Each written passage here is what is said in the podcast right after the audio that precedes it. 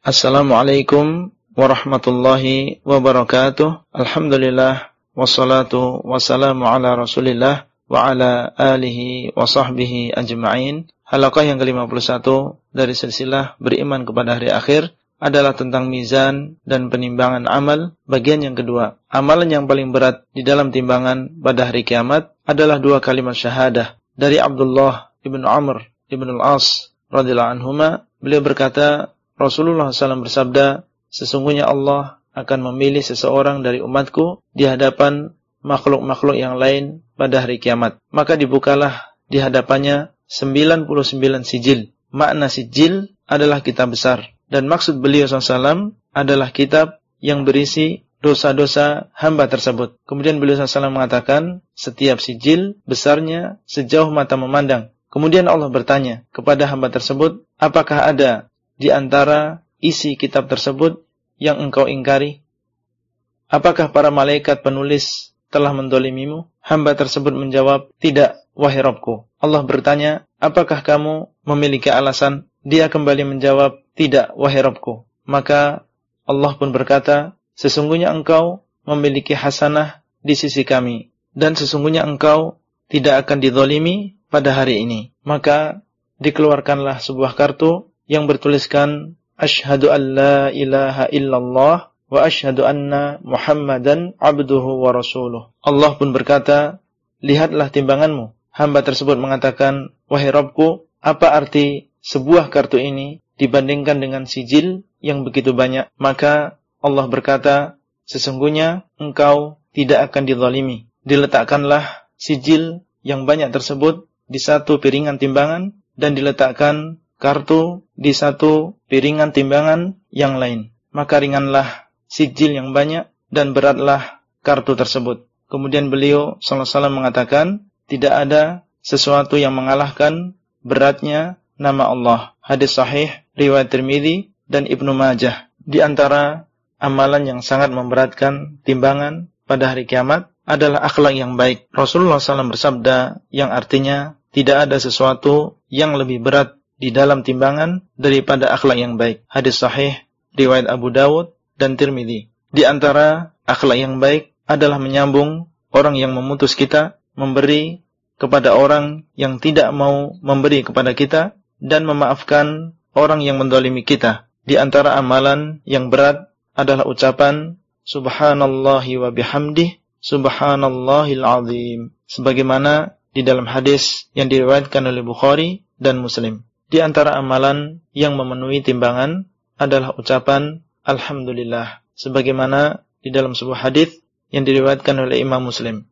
Oleh karena itu, hendaknya seorang muslim senantiasa memperbaiki dua kalimat syahadat yang dia ucapkan, berusaha untuk memahami maknanya dan mengamalkan isinya dan istiqomah di atas keduanya sampai meninggal dunia. Di samping itu, hendaknya dia memperbaiki ibadahnya kepada Allah dan akhlaknya kepada manusia. Melakukan itu semua karena Allah dan untuk memperberat timbangannya di hari kiamat. Orang yang berbahagia adalah orang yang lebih berat timbangan kebaikannya daripada kejelekannya. Dan orang yang celaka adalah orang yang lebih ringan timbangan kebaikannya daripada kejelekannya sebagaimana disebutkan oleh Allah di dalam surat Al-Qari'ah orang kafir tidak memiliki sesuatu yang memberatkan timbangan mereka. Karena amalan mereka batal dengan kesyirikan dan kekufuran. Lihat surat Al-Kahfi 103 sampai 106 Rasulullah SAW bersabda yang artinya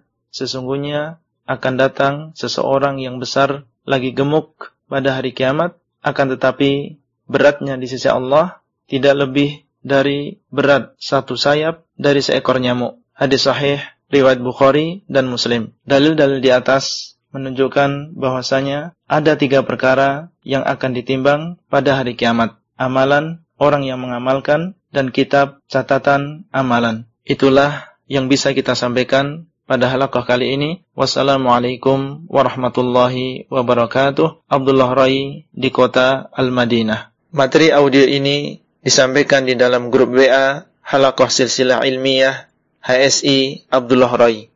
Assalamualaikum warahmatullahi wabarakatuh. Alhamdulillah wassalatu wassalamu ala Rasulillah wa ala alihi wa sahbihi ajma'in. Halaqah yang ke-52 dari silsilah beriman kepada hari akhir adalah tentang telaga Rasulullah sallallahu alaihi wasallam.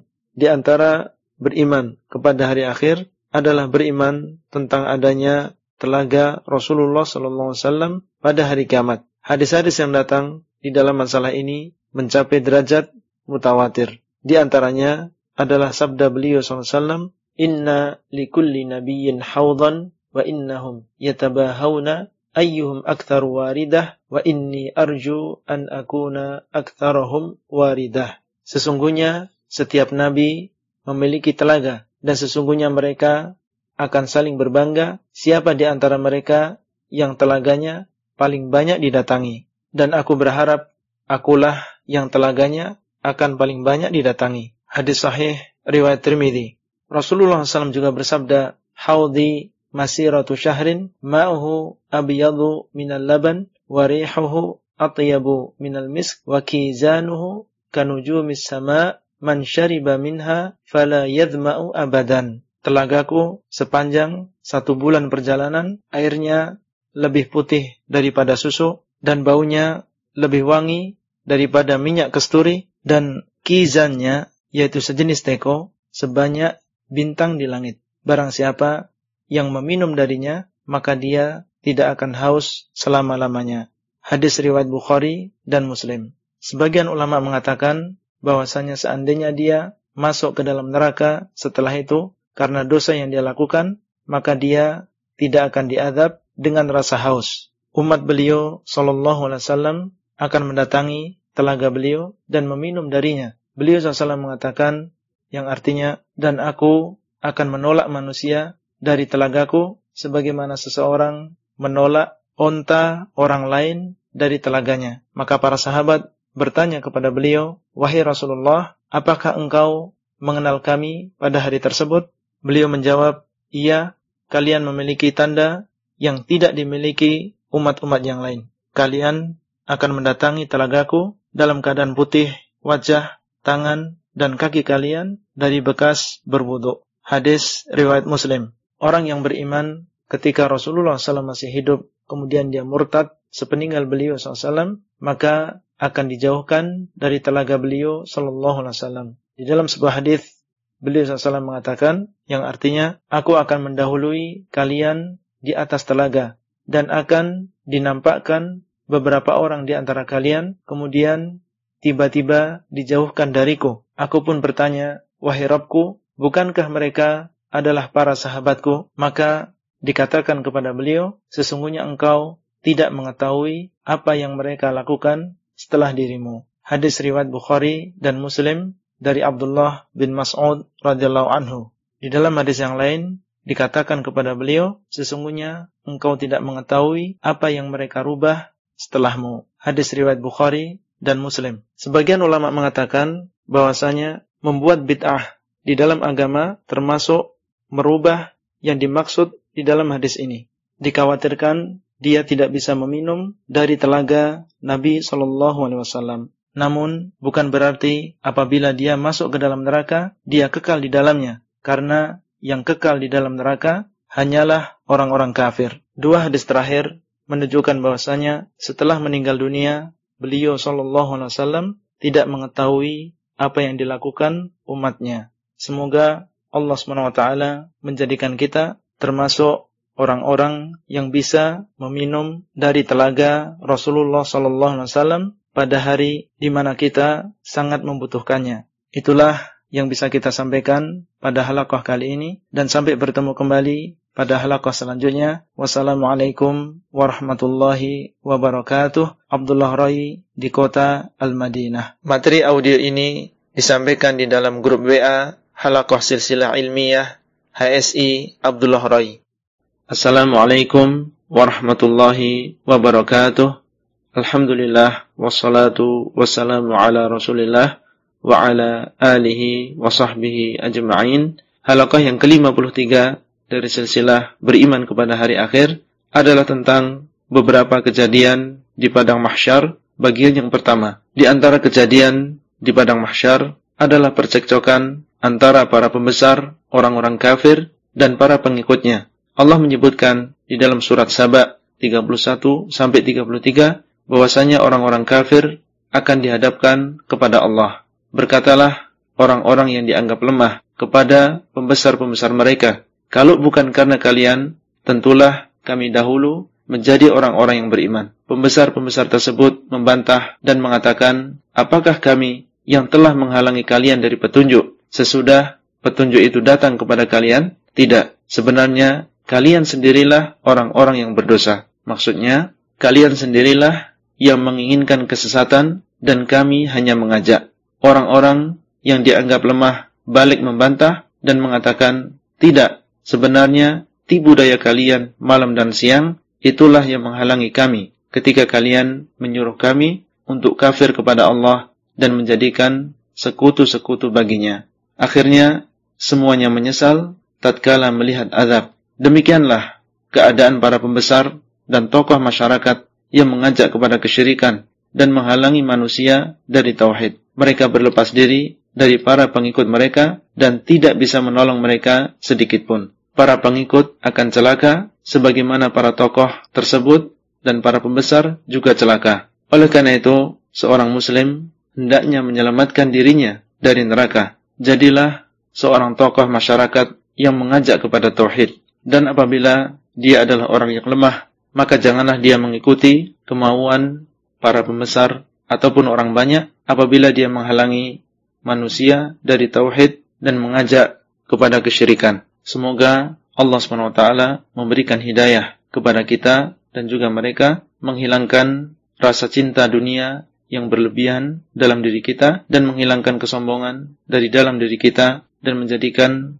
rasa takut kita hanya kepada Allah taala. Dan di antara kejadian di padang mahsyar bahwasanya Allah akan bertanya kepada orang-orang musyrikin tentang sesembahan selain Allah yang mereka sembah di dunia. Di manakah mereka pada hari tersebut? Dan Allah akan bertanya kepada mereka tentang bagaimana sikap mereka terhadap ajakan para rasul alaihi wasallam. Di dalam surat Al-Qasas 62 sampai 66 Allah akan memanggil orang-orang musyrikin dan menghina mereka dengan bertanya, "Di manakah sekutu-sekutuku yang dahulu kalian sangka mereka adalah sekutu-sekutuku?" Kemudian Allah SWT akan berkata kepada orang-orang musyrikin, "Berdoalah kalian kepada sekutu-sekutu kalian." Maka mereka pun berdoa kepada sesembahan-sesembahan mereka di dunia meminta pertolongan kepada mereka dalam keadaan genting tersebut sebagaimana mereka dahulu meminta di dunia.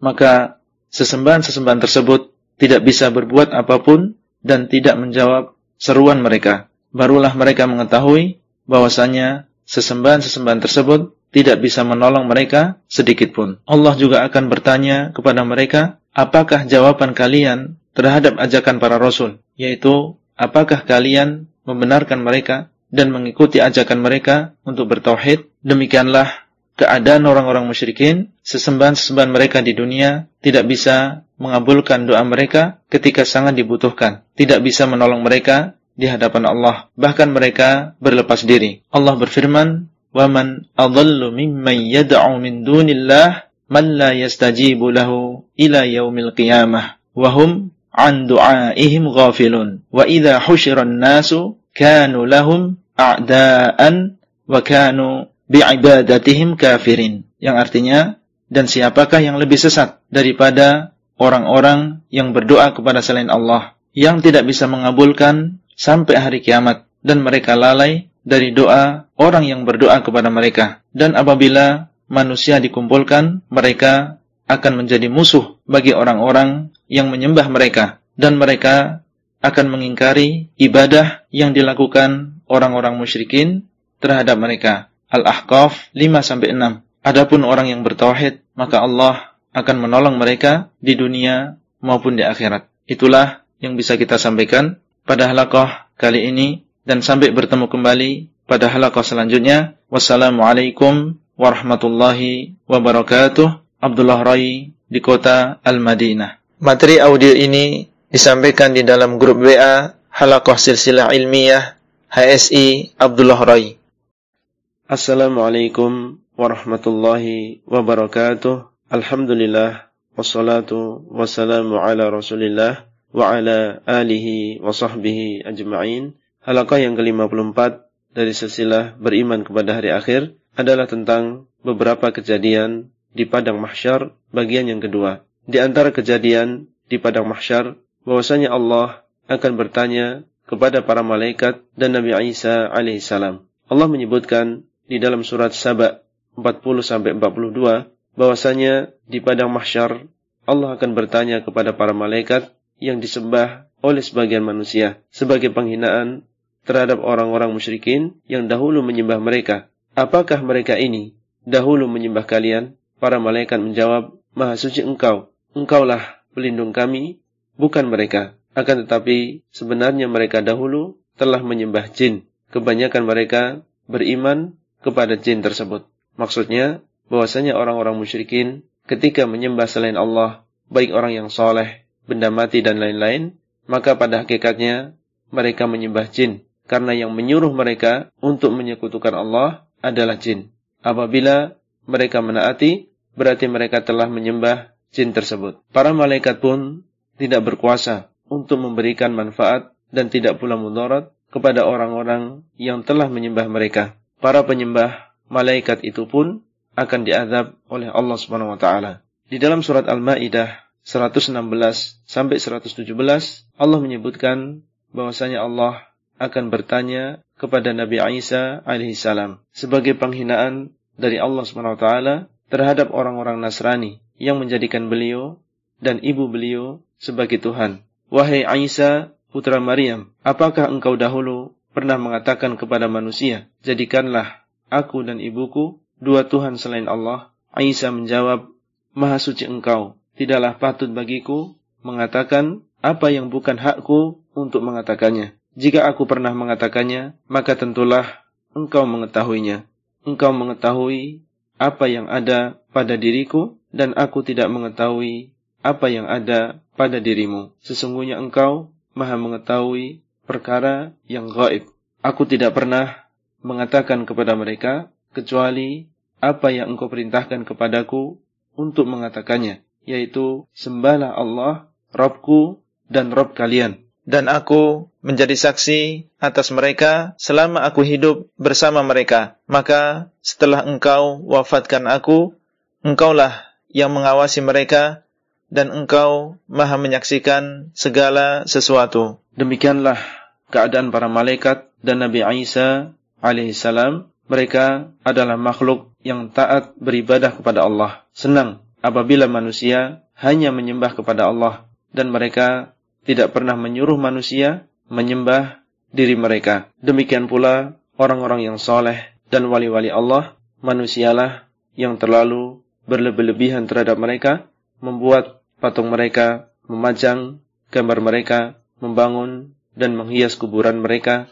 meyakini bahwasanya mereka mengetahui yang gaib, berdoa kepada mereka, bepergian jauh untuk berziarah ke makam mereka, beriktikaf di kuburan mereka, menyerahkan sebagian ibadah kepada mereka, membangun masjid di atas kuburan mereka, atau memasukkan kuburan mereka di dalam masjid, bertawasul dengan doa mereka setelah mereka meninggal dunia, atau menganggap orang-orang soleh tersebut bisa mendekatkan diri mereka kepada Allah, ini semua termasuk berlebihan. Jangan sampai keadaan seseorang seperti keadaan kaum Nabi Nuh alaihissalam yang berlebihan terhadap lima orang soleh yang disebutkan di dalam surat Nuh ayat yang ke-23. Atau seperti keadaan sebagian orang yang mengaku mencintai Ali bin Abi Thalib, Fatimah, Hasan, Hussein, dan sebagian keturunan beliau, radhiyallahu anhum, kemudian berlebih-lebihan terhadap mereka.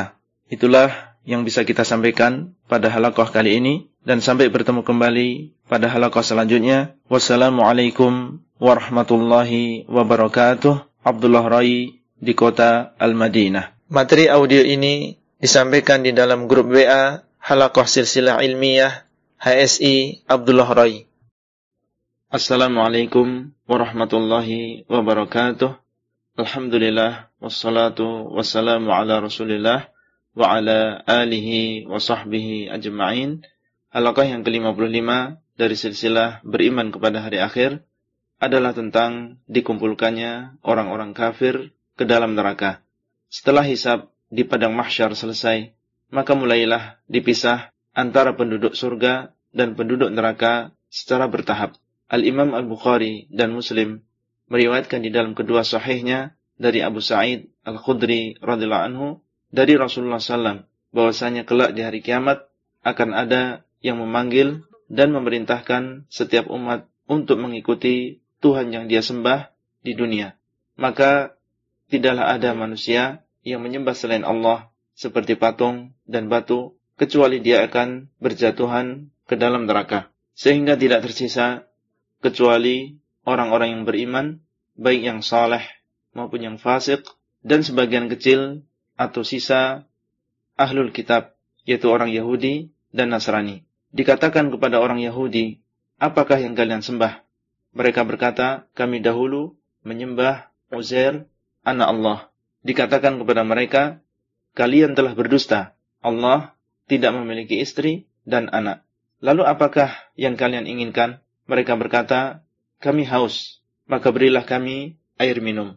Karena saat itu, Allah memperlihatkan kepada mereka jahanam yang dari jauh seperti air maka ditunjukkanlah jahanam yang dari jauh seperti air tersebut dan dikatakan kepada mereka, apakah kalian tidak mau mendatanginya? Maka mereka pun dikumpulkan ke jahanam dan berjatuhan di dalamnya.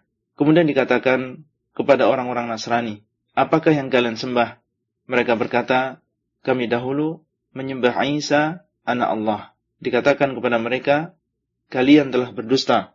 Allah tidak memiliki istri dan anak. Lalu apakah yang kalian inginkan? Mereka berkata, kami haus, maka berilah kami air minum. Maka ditunjukkanlah jahanam yang dari jauh seperti air, dan dikatakan kepada mereka, apakah kalian tidak mendatanginya? Akhirnya mereka pun juga dikumpulkan ke jahanam dan berjatuhan di dalamnya. Dan di dalam hadis Abu Hurairah radhiyallahu anhu yang juga dikeluarkan oleh Al-Bukhari dan Muslim, disebutkan bahwasanya Allah akan berkata kepada manusia, barang siapa yang menyembah sesuatu, maka hendaklah mengikutinya. Maka penyembah matahari akan mengikuti matahari, penyembah bulan akan mengikuti bulan, penyembah Tauhud akan mengikuti Tauhud. Dan Tauhud adalah segala sesuatu yang disembah selain Allah. Kemudian tersisalah umat Islam.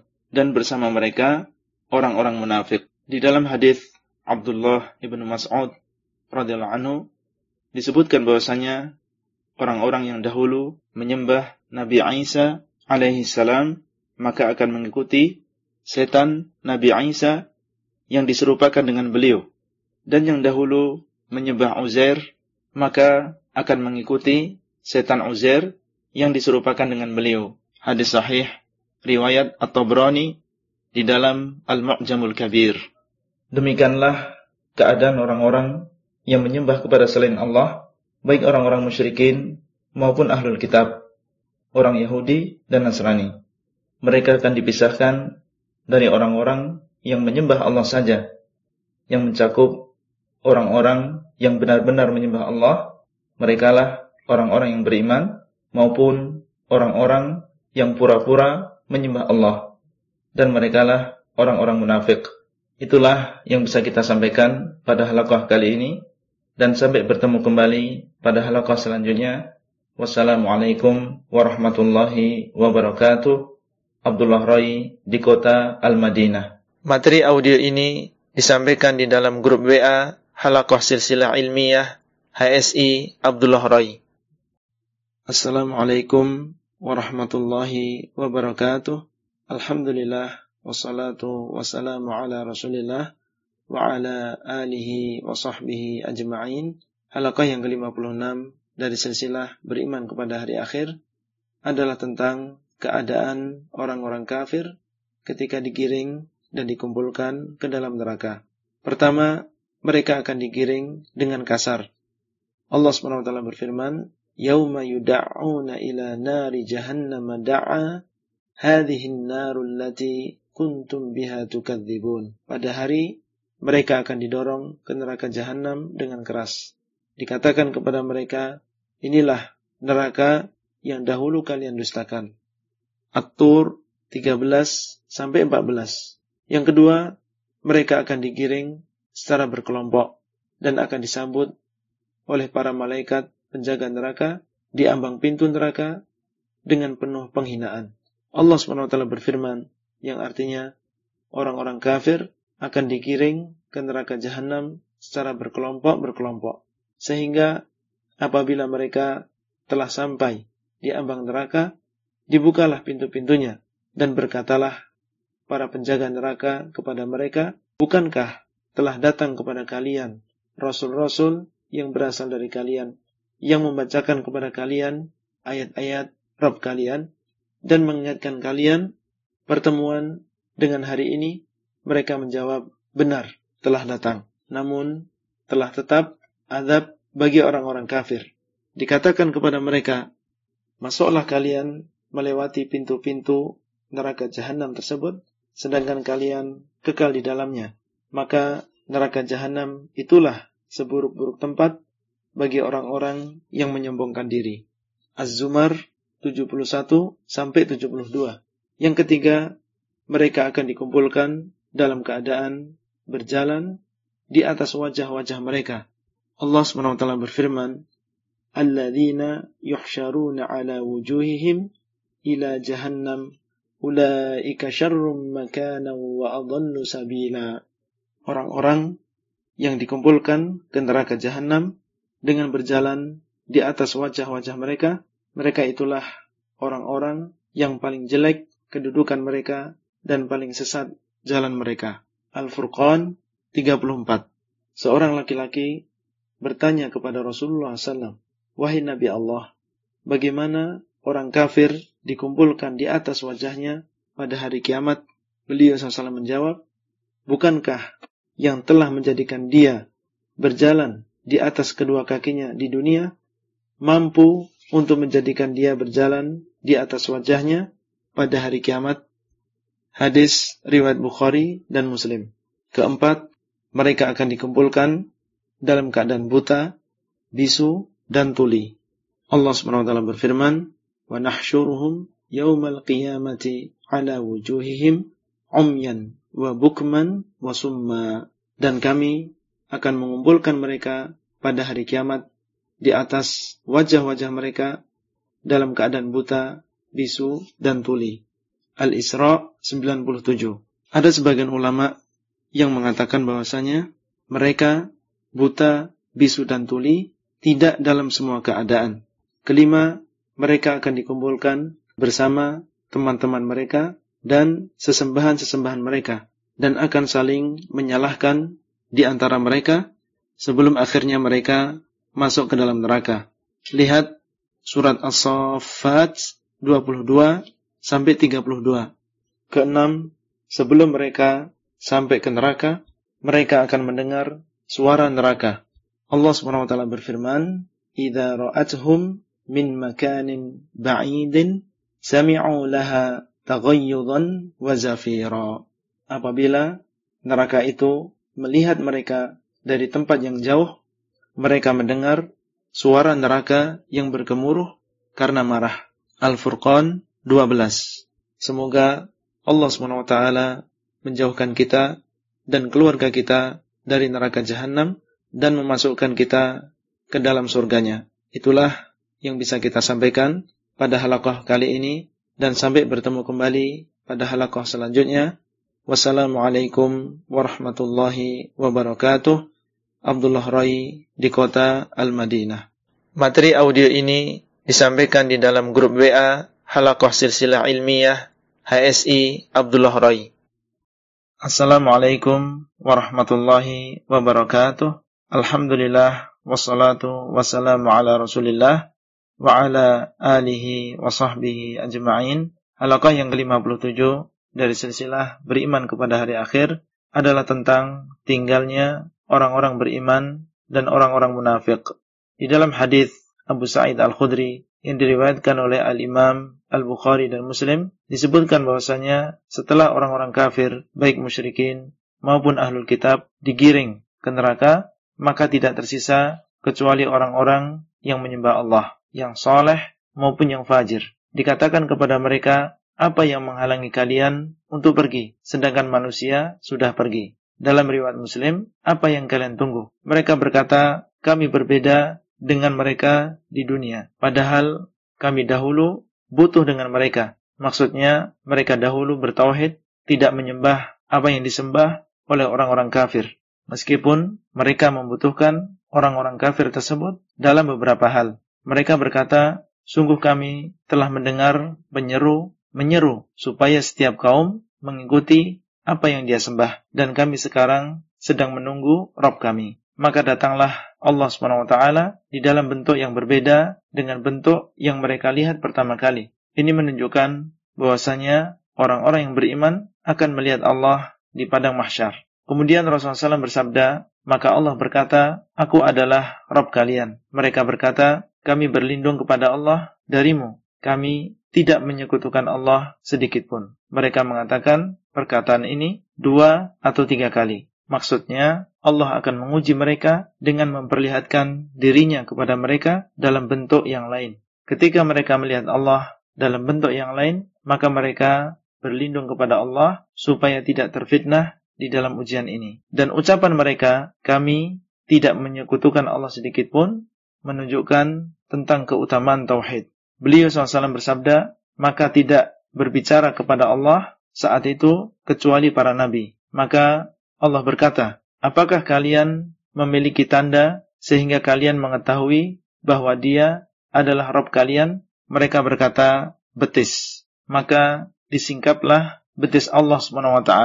Para ulama mengatakan bahwasanya ini adalah termasuk hadis yang berisi sifat Allah. Kewajiban kita beriman bahwasanya Allah memiliki betis sesuai dengan keagungannya, tidak boleh kita ingkari. Tidak boleh kita serupakan dengan makhluk, tidak boleh kita takwil, dan tidak boleh kita bertanya tentang bagaimananya. Kemudian Rasulullah SAW bersabda, maka sujudlah setiap mukmin. Dan dalam riwayat Muslim disebutkan tidak tersisa orang yang dahulu sujud untuk Allah ikhlas dari dirinya kecuali Allah akan mengizinkan dia bersujud. Kemudian tidaklah tersisa orang yang dahulu sujud karena hanya ingin melindungi diri dan riak kecuali Allah akan menjadikan punggungnya menjadi rata. Setiap akan sujud, dia jatuh tersungkur di, di atas tengkuknya. Maksudnya, dia tidak bisa sujud karena punggungnya yang semula memiliki beberapa ruas tulang yang memudahkan dia untuk membungkuk menjadi hanya memiliki satu ruas tulang yang rata. Demikianlah keadaan orang-orang yang dahulu menipu Allah dan orang-orang yang beriman di dunia. Maka Allah menipu mereka. Mereka mengira bahwasanya mereka akan selamat dengan tinggalnya mereka saat itu bersama orang-orang yang beriman. Namun ternyata perkiraan mereka adalah perkiraan yang salah. Kemudian Rasulullah SAW bersabda, kemudian orang-orang yang beriman mengangkat kepala mereka dan Allah SWT telah kembali kepada bentuknya yang semula. Kemudian Allah berkata, Aku adalah Rob kalian. Mereka pun berkata, Engkau adalah Rob kami. Itulah yang bisa kita sampaikan pada halaqah kali ini. Dan sampai bertemu kembali pada halaqah selanjutnya. Wassalamualaikum warahmatullahi wabarakatuh. Abdullah Rai di kota Al-Madinah. Materi audio ini disampaikan di dalam grup WA Halaqah Silsilah Ilmiah HSI Abdullah Rai. Assalamualaikum warahmatullahi wabarakatuh. Alhamdulillah wassalatu wassalamu ala Rasulillah wa ala alihi wa sahbihi ajma'in. Halaqah yang ke-58 dari silsilah beriman kepada hari akhir adalah tentang perpisahan orang-orang yang beriman dengan orang-orang munafik. Setelah bangkit dari sujud, maka orang-orang yang beriman akan mengikuti Allah SWT dan akan dibentangkan as-sirat atau jembatan di atas neraka sebagaimana di dalam hadis Abu Hurairah yang diriwayatkan oleh Bukhari dan Muslim.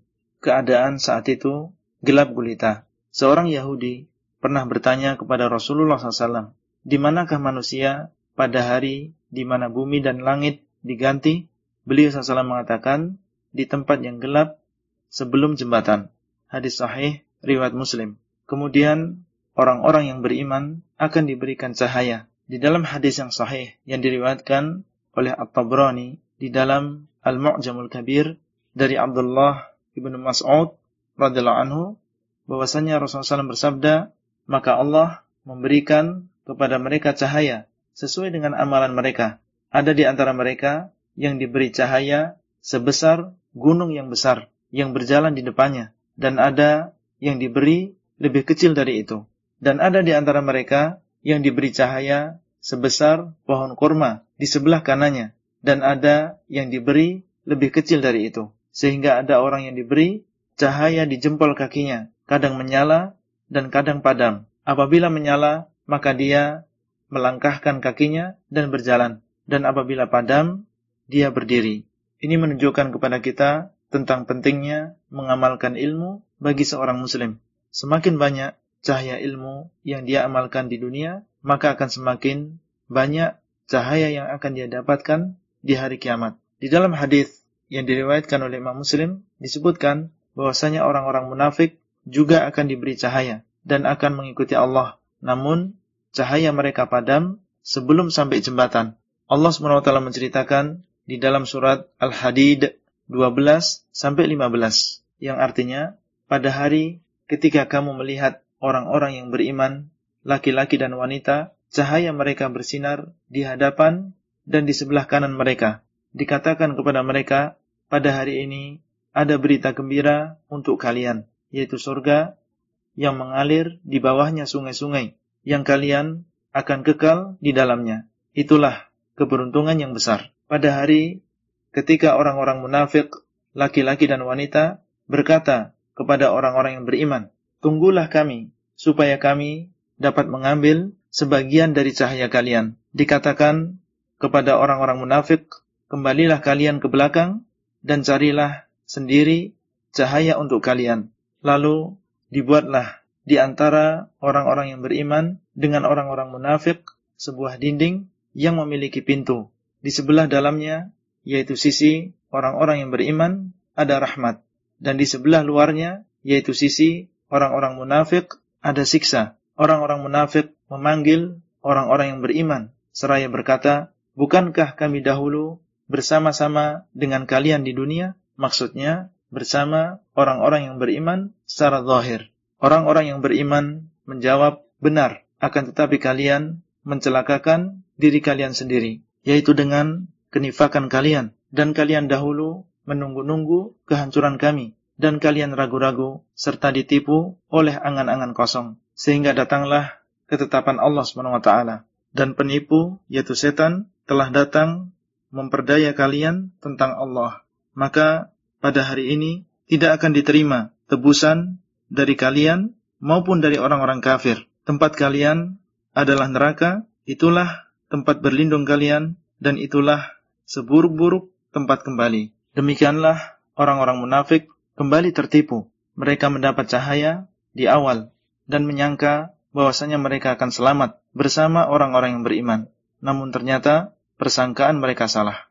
Orang-orang yang beriman ketika melihat cahaya orang-orang munafik padam, mereka berdoa kepada Allah, Rabbana atmim lana nurana waghfir lana innaka ala kulli syai'in qadir. Wahai Rabb kami, sempurnakanlah bagi kami cahaya kami dan ampunilah kami. Sesungguhnya Engkau Maha Kuasa untuk melakukan segala sesuatu. At-Tahrim ke-8. Di dalam hadis yang sahih yang diriwayatkan oleh Abu Dawud dan juga Tirmidzi, Rasulullah SAW mengabarkan bahwasanya orang yang berjalan ke masjid di dalam kegelapan malam, yaitu untuk melakukan sholat berjamaah, maka dia akan mendapatkan cahaya yang sempurna di hari kiamat. Di antara usaha seorang muslim untuk menghilangkan kenifakan adalah menjaga sholat lima waktu secara berjamaah. Rasulullah SAW bersabda, barang siapa yang sholat karena Allah selama 40 hari secara berjamaah mendapatkan takbiratul ula, yaitu takbiratul ihram, maka dia akan terlepas dari dua perkara. Terlepas dari neraka dan terlepas dari kenifakan. Hadis Hasan, riwayat Tirmidzi. Itulah yang bisa kita sampaikan pada halakoh kali ini dan sampai bertemu kembali pada halakoh selanjutnya. Wassalamualaikum warahmatullahi wabarakatuh. Abdullah Rai di kota Al-Madinah. Materi audio ini disampaikan di dalam grup WA Halakoh Silsilah Ilmiah HSI Abdullah Rai. Assalamualaikum warahmatullahi wabarakatuh. Alhamdulillah wassalatu wassalamu ala Rasulillah wa ala alihi wa sahbihi ajma'in. Halakah yang ke-59 dari silsilah beriman kepada hari akhir adalah tentang as-sirat. Termasuk beriman kepada hari akhir adalah beriman dengan adanya as-sirat, yaitu jembatan yang dipasang di atas neraka jahanam untuk lewat orang-orang yang beriman menuju surga. Setelah berpisah dengan orang-orang munafik, maka tinggallah orang-orang yang beriman dengan berbagai tingkatan keimanan mereka, mulai dari para nabi alaihi salam sampai para pelaku dosa besar. Mereka semua akan menuju surga dengan melewati sebuah jembatan yang berada di atas neraka. Allah SWT berfirman, "Wa im minkum illa wariduha kana 'ala rabbika hatman maqdiya." Thumma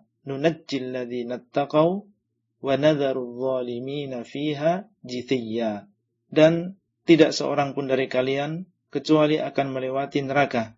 Yang demikian adalah ketentuan Allah yang sudah ditetapkan.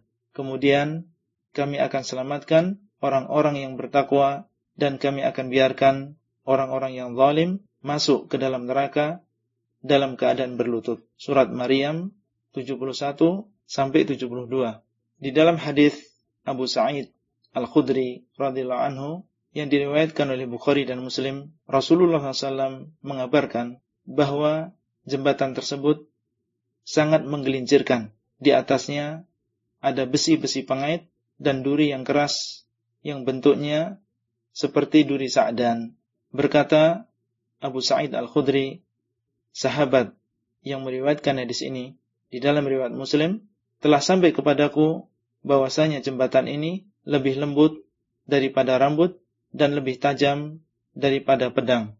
Di dalam hadis ini disebutkan bahwasanya ada orang yang beriman yang melewati jembatan tersebut dengan sangat cepat seperti kedipan mata. Ada yang seperti kilat, ada yang secepat angin, ada yang secepat burung, ada yang secepat larinya kuda, ada yang secepat larinya onta, dan ada yang sangat lambat sehingga dia lewat jembatan tersebut dalam keadaan menyeret dirinya. Dialah orang yang terakhir melewati jembatan.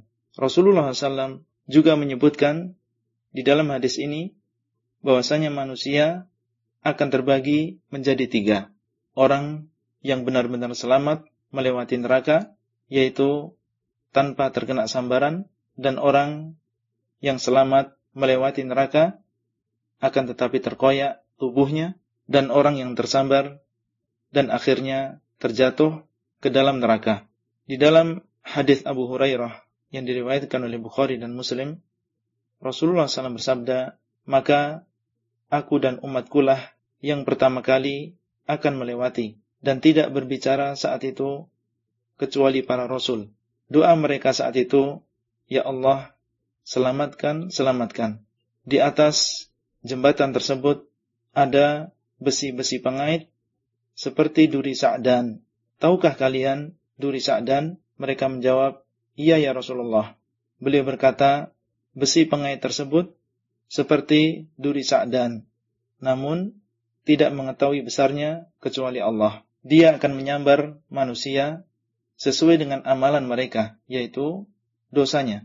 Ada di antara mereka yang binasa karena amalannya, dan ada di antara mereka yang terkoyak dari belakang, kemudian selamat. Di antara yang selamat adalah 70 ribu orang yang akan masuk surga tanpa hisab. Wajah-wajah mereka seperti bulan di malam bulan purnama. Menyusul setelah mereka rombongan yang wajah mereka seperti bintang yang paling terang. Hadis riwayat Muslim dari Jabir ibnu Abdullah Al-Ansari radhiyallahu anhuma dan akan dikirim amanah dan rahim atau kekerabatan. Rasulullah SAW bersabda, dan akan dikirim amanah dan rahim atau kekerabatan, maka keduanya berdiri di samping kanan dan kiri jembatan. Hadis riwayat Muslim. Ini menunjukkan bahwasanya melaksanakan amanah dan menyambung silaturahim atau hubungan kekerabatan perkaranya besar di dalam agama Islam. Keduanya akan menuntut orang-orang yang tidak memenuhi hak keduanya. Sebagian orang yang beriman akan jatuh ke dalam neraka karena sebab ucapan yang dia ucapkan di dunia. Rasulullah SAW bersabda, sungguh seorang hamba mengucapkan sebuah kalimat yang membuat marah Allah dan hamba tersebut tidak menganggap penting kalimat itu. Dia jatuh dengan sebab ucapan tadi ke dalam jahanam. Hadis riwayat Bukhari. Sebuah batu yang dilempar ke dalam neraka akan sampai ke dasar neraka 70 tahun kemudian. Sebagaimana di dalam hadis riwayat Muslim. Sebuah peristiwa yang pasti akan kita alami dan sangat mendebarkan. Berjalan di atas jembatan yang sangat kecil, sangat panjang, di bawahnya ada neraka yang sangat dalam dan berisi adab yang sangat pedih dan di samping kanan dan kiri ada besi-besi pengait yang siap mengenai orang yang berhak.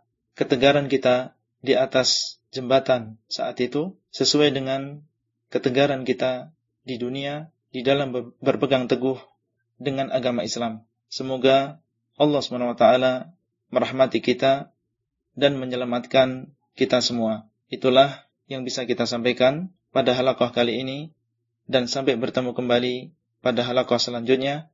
Wassalamualaikum warahmatullahi wabarakatuh. Abdullah Rai di kota Al-Madinah. Materi audio ini disampaikan di dalam grup WA Halaqah Silsilah Ilmiah HSI Abdullah Rai. Assalamualaikum warahmatullahi wabarakatuh. Alhamdulillah wassalatu wassalamu ala Rasulillah wa ala alihi wa sahbihi ajma'in. Halaqah yang ke-60 dari silsilah beriman kepada hari akhir adalah tentang beberapa contoh dosa penyebab jatuhnya seseorang ke dalam neraka. Bagian yang pertama, dosa yang dilakukan oleh seorang muslim apabila Allah SWT tidak mengampuninya akan menjadi sebab seseorang terjatuh ke dalam neraka. Di antara dosa tersebut adalah dosa bid'ah. Rasulullah SAW bersabda, وشر الأمور محدثاتها وكل محدثة بدعة وكل بدعة ضلالة وكل ضلالة في النار dan sejelek-jelek perkara adalah perkara yang diada-adakan dan setiap yang diada-adakan adalah bid'ah dan setiap bid'ah adalah sesat dan setiap kesesatan di dalam neraka hadis sahih riwayat Nasai bid'ah inilah yang sebenarnya telah memecah belah umat Islam. Umat yang dahulu bersatu, satu di atas Al-Quran dan Al-Hadith dengan satu pemahaman, yaitu pemahaman para sahabat Nabi SAW, generasi terbaik umat Islam menjadi berbagai aliran yang banyak. Golongan yang selamat adalah golongan yang tetap berpegang dengan Islam yang murni, yang dipahami oleh para sahabat radhiyallahu anhum. Rasulullah SAW bersabda, "Wa ummati ala thalathin wa sab'ina millah kulluhum finnar illa millatan wahidah. Qalu, wa man hiya ya Rasulullah? Qal, ma ana alaihi wa.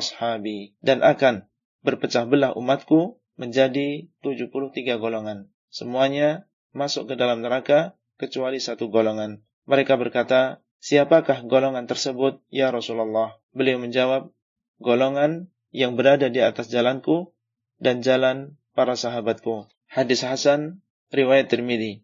Ucapan beliau SAW, ummati, yaitu umatku, menunjukkan bahwasanya aliran-aliran tersebut tidaklah kafir dengan bid'ah yang mereka lakukan. Dan ucapan beliau SAW, semuanya masuk neraka, menunjukkan bahwasanya bid'ah yang mereka lakukan adalah dosa besar yang menyebabkan masuk neraka. Kalau Allah mengendaki, maka Allah mengampuni tanpa diadab, dan kalau Allah mengendaki, maka Allah akan mengadab di neraka sampai waktu yang Allah kehendaki. Seorang muslim hendaknya menjauhi aliran-aliran sesat tersebut yang di antara ciri-cirinya mereka tidak kembali kepada pemahaman para sahabat di dalam memahami Al-Quran dan Al-Hadis tidak memiliki perhatian yang besar terhadap akidah dan tauhid, mendahulukan akal di atas dalil, bersembunyi-sembunyi di dalam beragama, dan ada di antara mereka yang memiliki bayat khusus kepada pemimpin aliran. Dan di antara cirinya, mencela atau membicarakan kejelekan penguasa, tidak berhati-hati di dalam berdalil dengan hadis-hadis Rasulullah SAW, mencukupkan diri dengan Al-Quran tanpa hadis di dalam berdalil. Dan di antara cirinya, mereka mudah mengkafirkan orang yang tidak sependapat dengan mereka. Hendaknya seorang muslim meninggalkan bid'ah meskipun dianggap baik atau hasanah oleh sebagian manusia. Meninggalkan aliran-aliran sesat tersebut dan jangan tertipu dengan pakaian atau banyaknya jumlah mereka. Karena kebenaran tidak diukur dengan perkara-perkara tersebut, tapi diukur dengan kesesuaiannya dengan Al-Quran dan Al-Hadis. Menasehati para pengikut aliran sesuai dengan kemampuan supaya kembali kepada kebenaran dengan cara yang hikmah merupakan bentuk rasa cinta kita kepada saudara seislam dan upaya menyatukan umat di atas kebenaran serta menyelamatkan mereka dari ancaman neraka. Dan perlu diketahui bahwasanya meninggalkan aliran-aliran tersebut juga bukan berarti seseorang hidup jauh dari agama, menjauhi ilmu dan para ulama, kemudian mengikuti syahwat dan hawa nafsunya. Karena seorang muslim di dunia ini dituntut untuk menjauhi fitnah syubhat, yaitu kerancuan berpikir, dan menjauhi fitnah syahwat. Semoga Allah SWT memberikan hidayah kepada kita semua. Itulah halakah yang bisa kita sampaikan pada kesempatan kali ini dan sampai bertemu kembali pada halakah selanjutnya. Wassalamualaikum warahmatullahi wabarakatuh. Abdullah Rai di kota Al-Madinah. Materi audio ini disampaikan di dalam grup WA Halakah Silsilah Ilmiah HSI Abdullah Rai. Assalamualaikum warahmatullahi wabarakatuh. Alhamdulillah wassalatu wassalamu ala Rasulillah wa ala alihi wa sahbihi ajma'in. Halaqah yang ke-61 dari silsilah beriman kepada hari akhir adalah tentang beberapa contoh dosa penyebab jatuhnya seseorang ke dalam neraka. Bagian yang kedua, di antara dosa yang membahayakan seorang yang beriman dan bisa menjadi penyebab jatuhnya seseorang ke dalam neraka ketika melewati sirat adalah berdusta atas nama Rasulullah SAW. Beliau SAW bersabda, Man kadzaba alayya muta'ammidan falyatabawwa maq'adahu minan nar. Barang siapa yang berdusta atas namaku dengan sengaja, maka hendaklah dia menyiapkan tempatnya di dalam neraka. Hadis riwayat Bukhari dan Muslim. Hendaknya seseorang berhati-hati di dalam menyampaikan hadis dari Nabi SAW, menjauhi hadis-hadis daif dan palsu, baik dalam masalah akidah, fadailul a'mal, maupun masalah yang lain. Dan bagi yang tidak mampu menghukumi sendiri sebuah hadis, maka hendaknya dia taklid dengan ulama atau ustadz yang dia anggap paling ahli di dalam hadis. Di antara dosa tersebut adalah dosa lisan dan kemaluan. Nabi Muhammad SAW pernah ditanya tentang perkara yang paling banyak memasukkan manusia di dalam neraka. Maka beliau SAW mengatakan, Al-famu wal farj, mulut dan kemaluan. Hadis sahih, riwayat Tirmidzi dan Ibnu Majah. Dosa yang dilakukan mulut seperti dusta, membicarakan kejelekan orang lain, mengadu domba, berfatwa tanpa ilmu, menuduh tanpa hak, makan dan minum yang haram, dan lain-lain. Dosa yang dilakukan kemaluan, seperti berzina, liwat, dan lain-lain. Dan di antara dosa tersebut adalah sombong. Rasulullah SAW bersabda, yang artinya, tidak akan masuk surga orang yang di dalam hatinya ada seberat darah pun dari kesombongan. Seorang laki-laki bertanya, sesungguhnya seseorang senang apabila bajunya bagus dan sandalnya bagus, maka beliau SAW berkata, sesungguhnya Allah adalah indah dan mencintai keindahan. Yang dimaksud dengan kesombongan adalah menolak kebenaran dan meremehkan manusia. Hadis riwayat Muslim. Ucapan beliau SAW tidak akan masuk surga adalah ancaman bagi pelakunya bahwasanya dia bukan termasuk orang-orang yang pertama-tama masuk surga dan balasan kesombongan dia adalah masuk neraka terlebih dahulu. Marilah kita belajar menerima kebenaran dari mana pun datangnya. Karena pada hakikatnya, kebenaran adalah dari Allah SWT. Dan janganlah kita meremehkan orang lain karena ilmu, harta, jabatan, atau gelar yang kita miliki. Karena Allah SWT yang telah memberikan kepada kita kenikmatan-kenikmatan tersebut mampu untuk memberikan kepada orang lain yang semisal atau yang lebih baik kapan Allah kehendaki. Semakin seseorang rendah hati karena Allah, maka Allah akan semakin mengangkat derajatnya. Di antara dosa tersebut adalah dosa memakan makanan yang haram. Rasulullah SAW bersabda, sesungguhnya tidaklah tumbuh daging dari makanan yang haram kecuali neraka lebih pantas bagi daging tersebut. Hadis sahih riwayat Tirmidzi. Seorang muslim hendaknya sangat berhati-hati di dalam mencari rezeki untuk diri sendiri dan keluarga, tidak memakan dan memberi makan kecuali setelah yakin itu halal. Hendaknya dia menjauhi riba, memakan harta orang lain tanpa hak, menjauhi uang suap, menjauhi curang di dalam menimbang, dan segala jenis harta haram lainnya. Dan di antara dosa yang bisa menjadi sebab jatuhnya seseorang ke dalam neraka adalah tidak ikhlas di dalam menuntut ilmu. Maksudnya ilmu agama. Rasulullah SAW bersabda yang artinya barang siapa yang menuntut ilmu yang sebenarnya digunakan untuk mencari ridha Allah, dia tidak menuntut ilmu tersebut kecuali untuk mencari dunia, maka dia tidak akan mencium bau surga pada hari kiamat. Hadis sahih riwayat Abu Dawud. Di dalam hadis yang lain, beliau SAW mengabarkan bahwasanya barang siapa yang menuntut ilmu hanya untuk menyombongkan diri di hadapan para ulama atau berdebat dengan orang-orang bodoh, maka ancamannya adalah neraka. Hadis sahih riwayat Ibnu Majah. Itulah yang bisa kita sampaikan pada kesempatan kali ini dan sampai bertemu kembali pada halaqah selanjutnya. Wassalamualaikum warahmatullahi wabarakatuh. Abdullah Rai di kota Al-Madinah.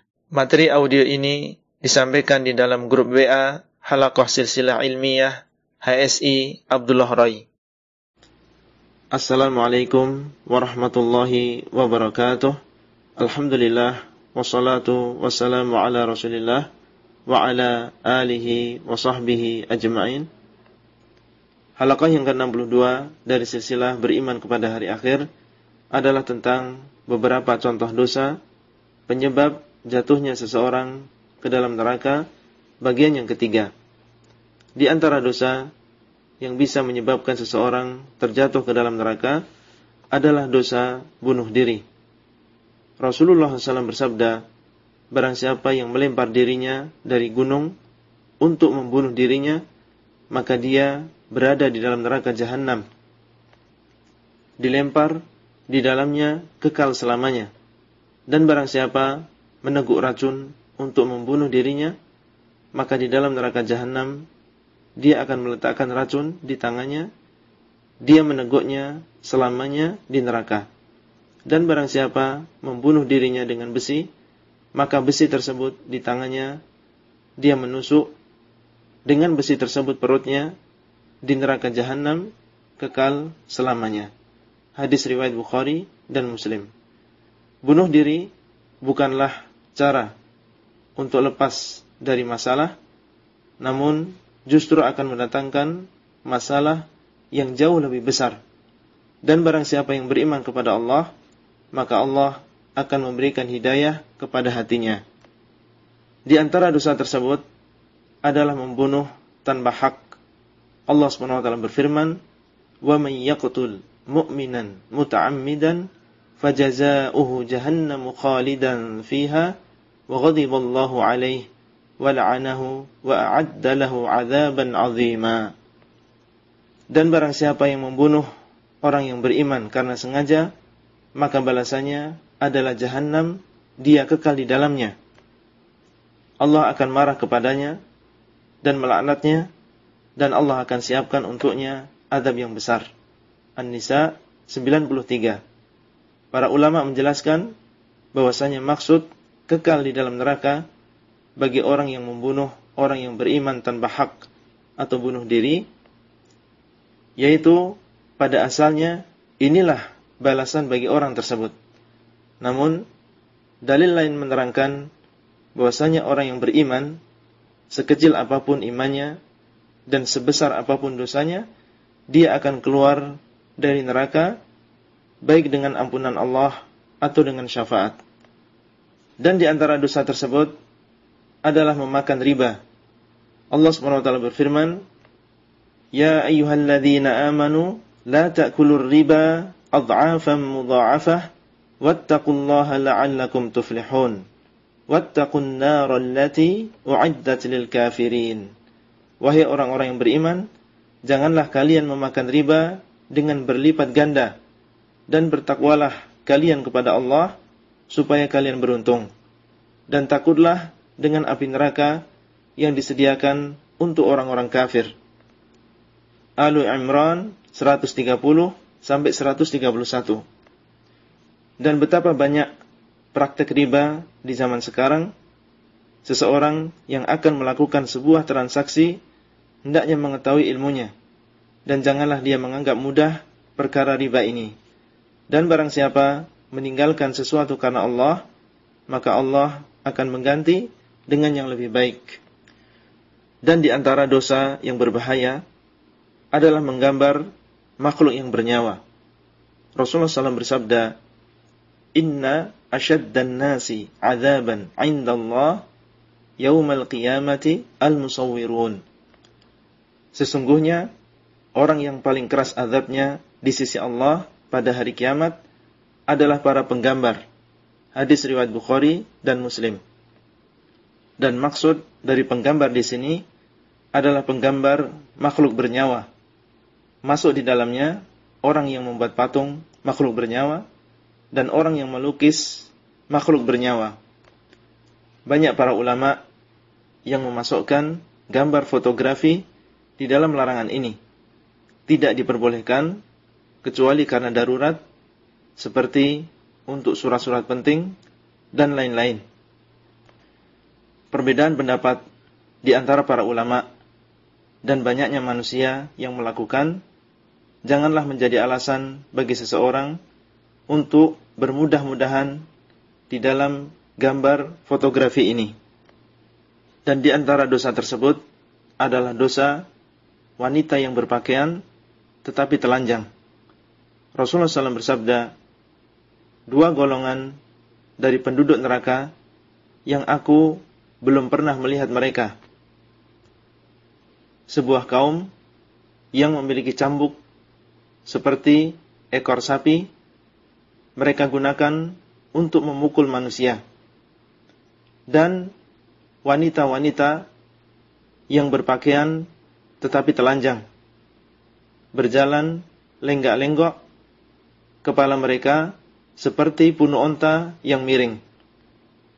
Mereka tidak akan masuk ke dalam surga dan tidak akan mencium baunya. Padahal bau surga bisa dicium dari jarak perjalanan sekian dan sekian.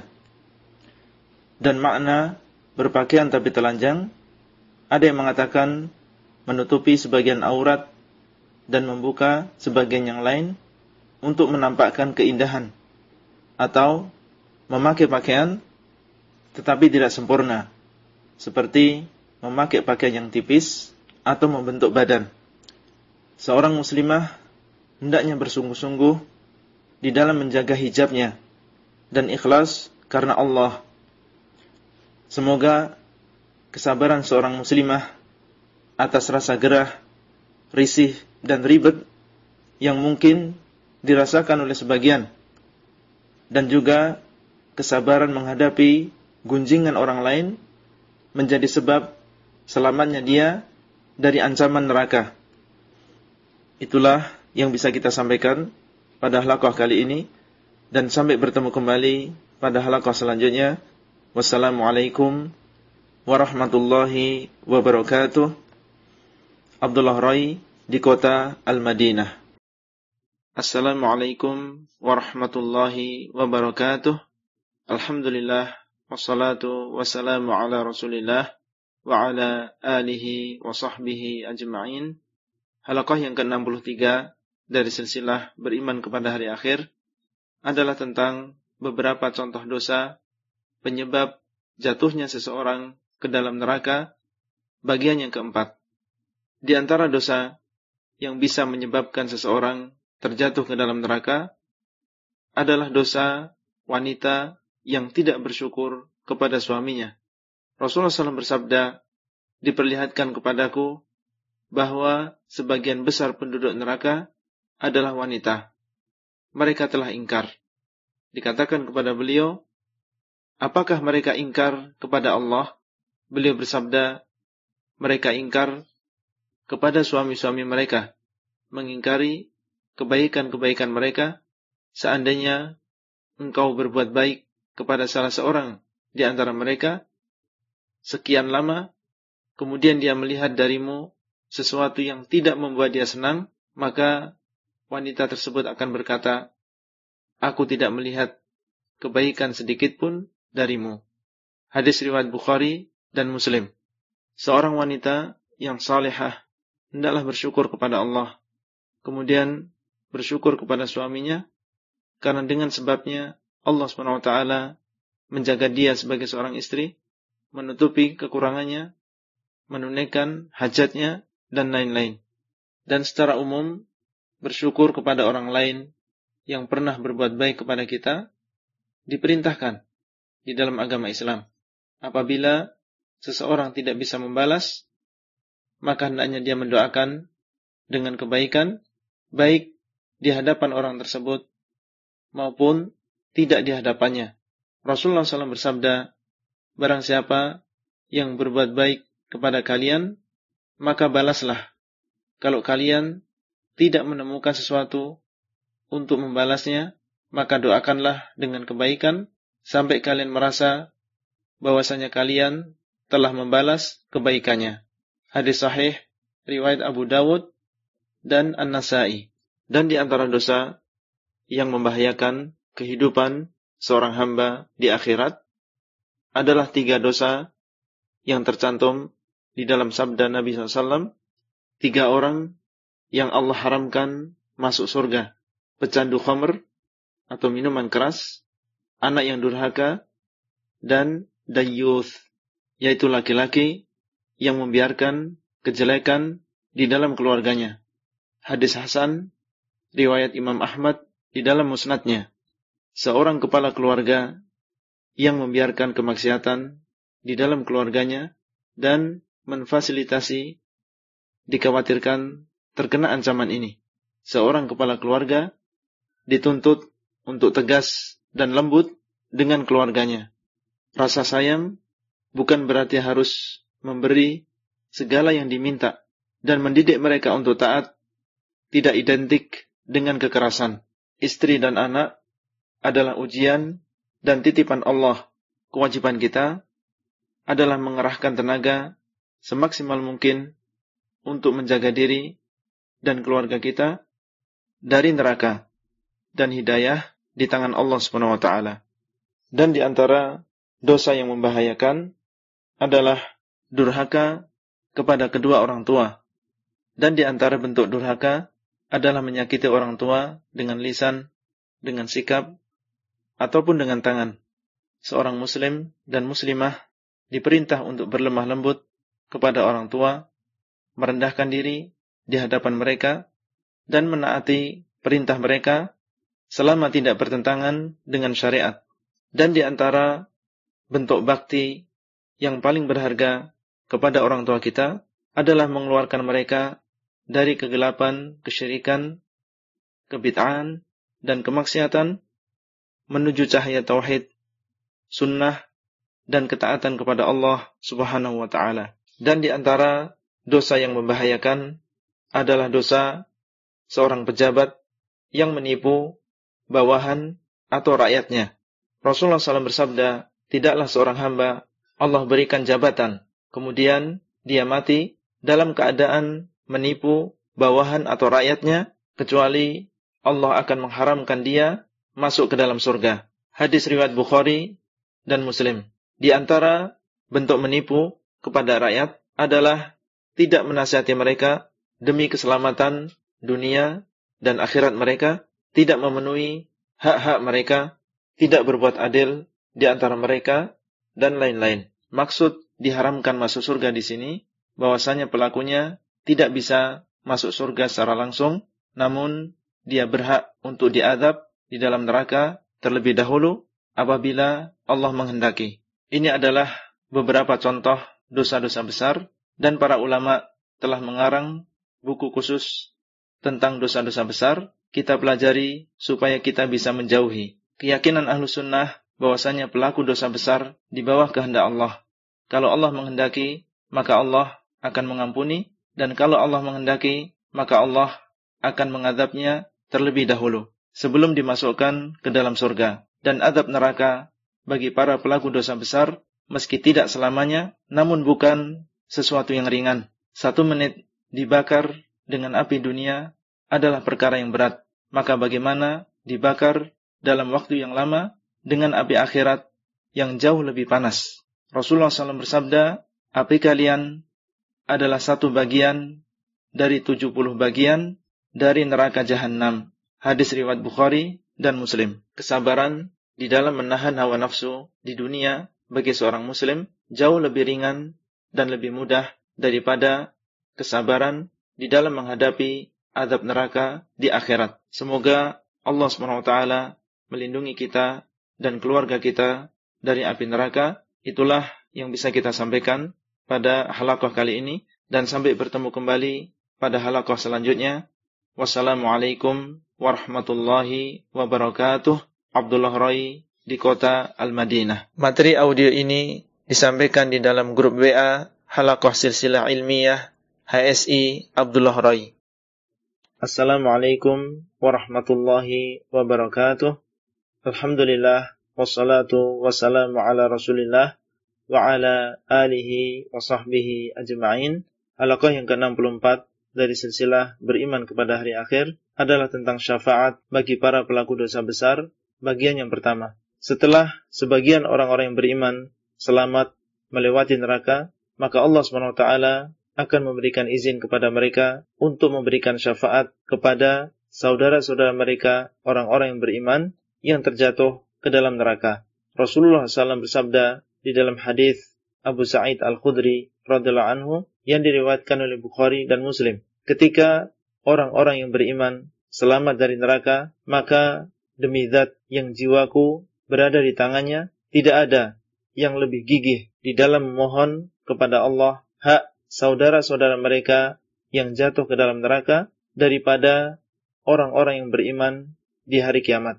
Mereka berkata, Wahai Rabb kami, saudara-saudara kami dahulu mereka sholat bersama kami, berpuasa bersama kami, dan haji bersama kami.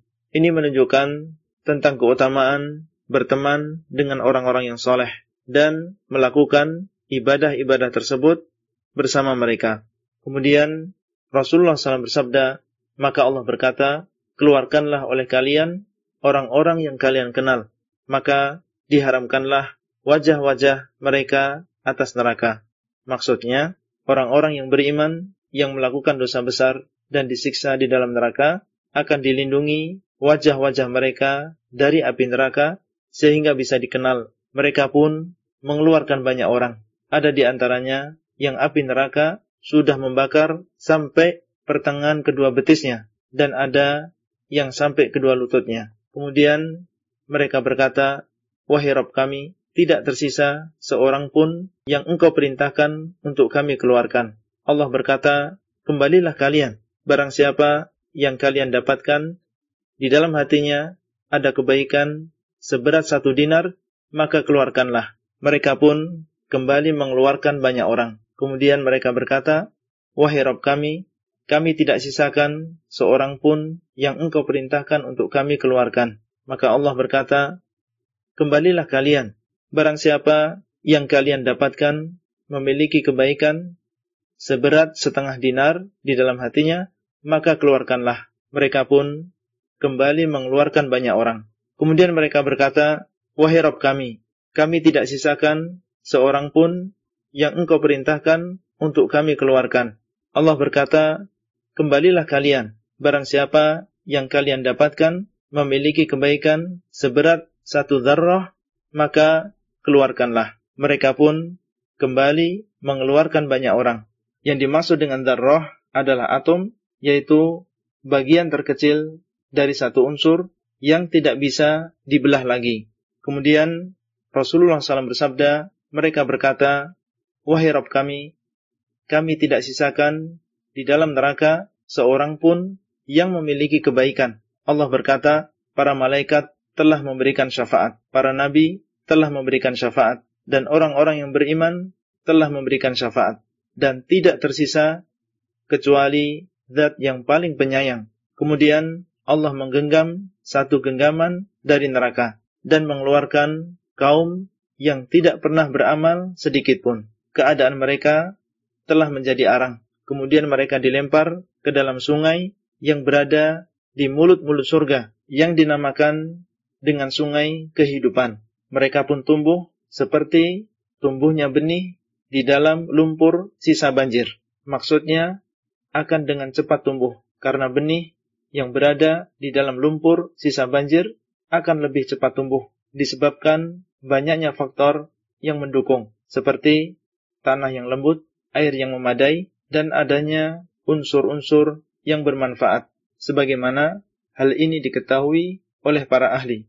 Kemudian beliau sallallahu alaihi wasallam bersabda, "Apakah kalian pernah melihat benih yang tumbuh ketika dekat dengan batu atau dekat dengan pohon? Bagian yang dekat dengan matahari akan berwarna kuning dan hijau, dan yang lebih dekat dengan bayangan maka akan berwarna putih." Maksudnya, ada yang mengatakan bahwasanya bagian badan yang terbakar yang lebih dekat kepada surga akan lebih cepat sempurna daripada bagian badan yang lebih dekat kepada neraka. Rasulullah SAW bersabda, kemudian mereka akan keluar seperti mutiara, dan di leher-leher mereka ada khawatim yang dikenal oleh para penduduk surga.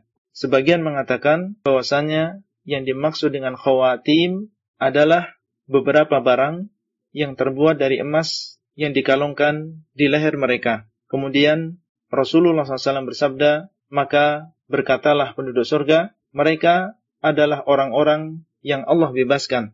Allah telah memasukkan mereka ke dalam surga tanpa sebab amalan yang mereka amalkan dan tanpa sebab kebaikan yang mereka lakukan. Itulah yang bisa kita sampaikan pada halaqah kali ini dan sampai bertemu kembali pada halaqah selanjutnya. Wassalamualaikum warahmatullahi wabarakatuh. Abdullah Rai di kota Al-Madinah. Materi audio ini disampaikan di dalam grup WA Halaqah Silsilah Ilmiah HSI Abdullah Rai.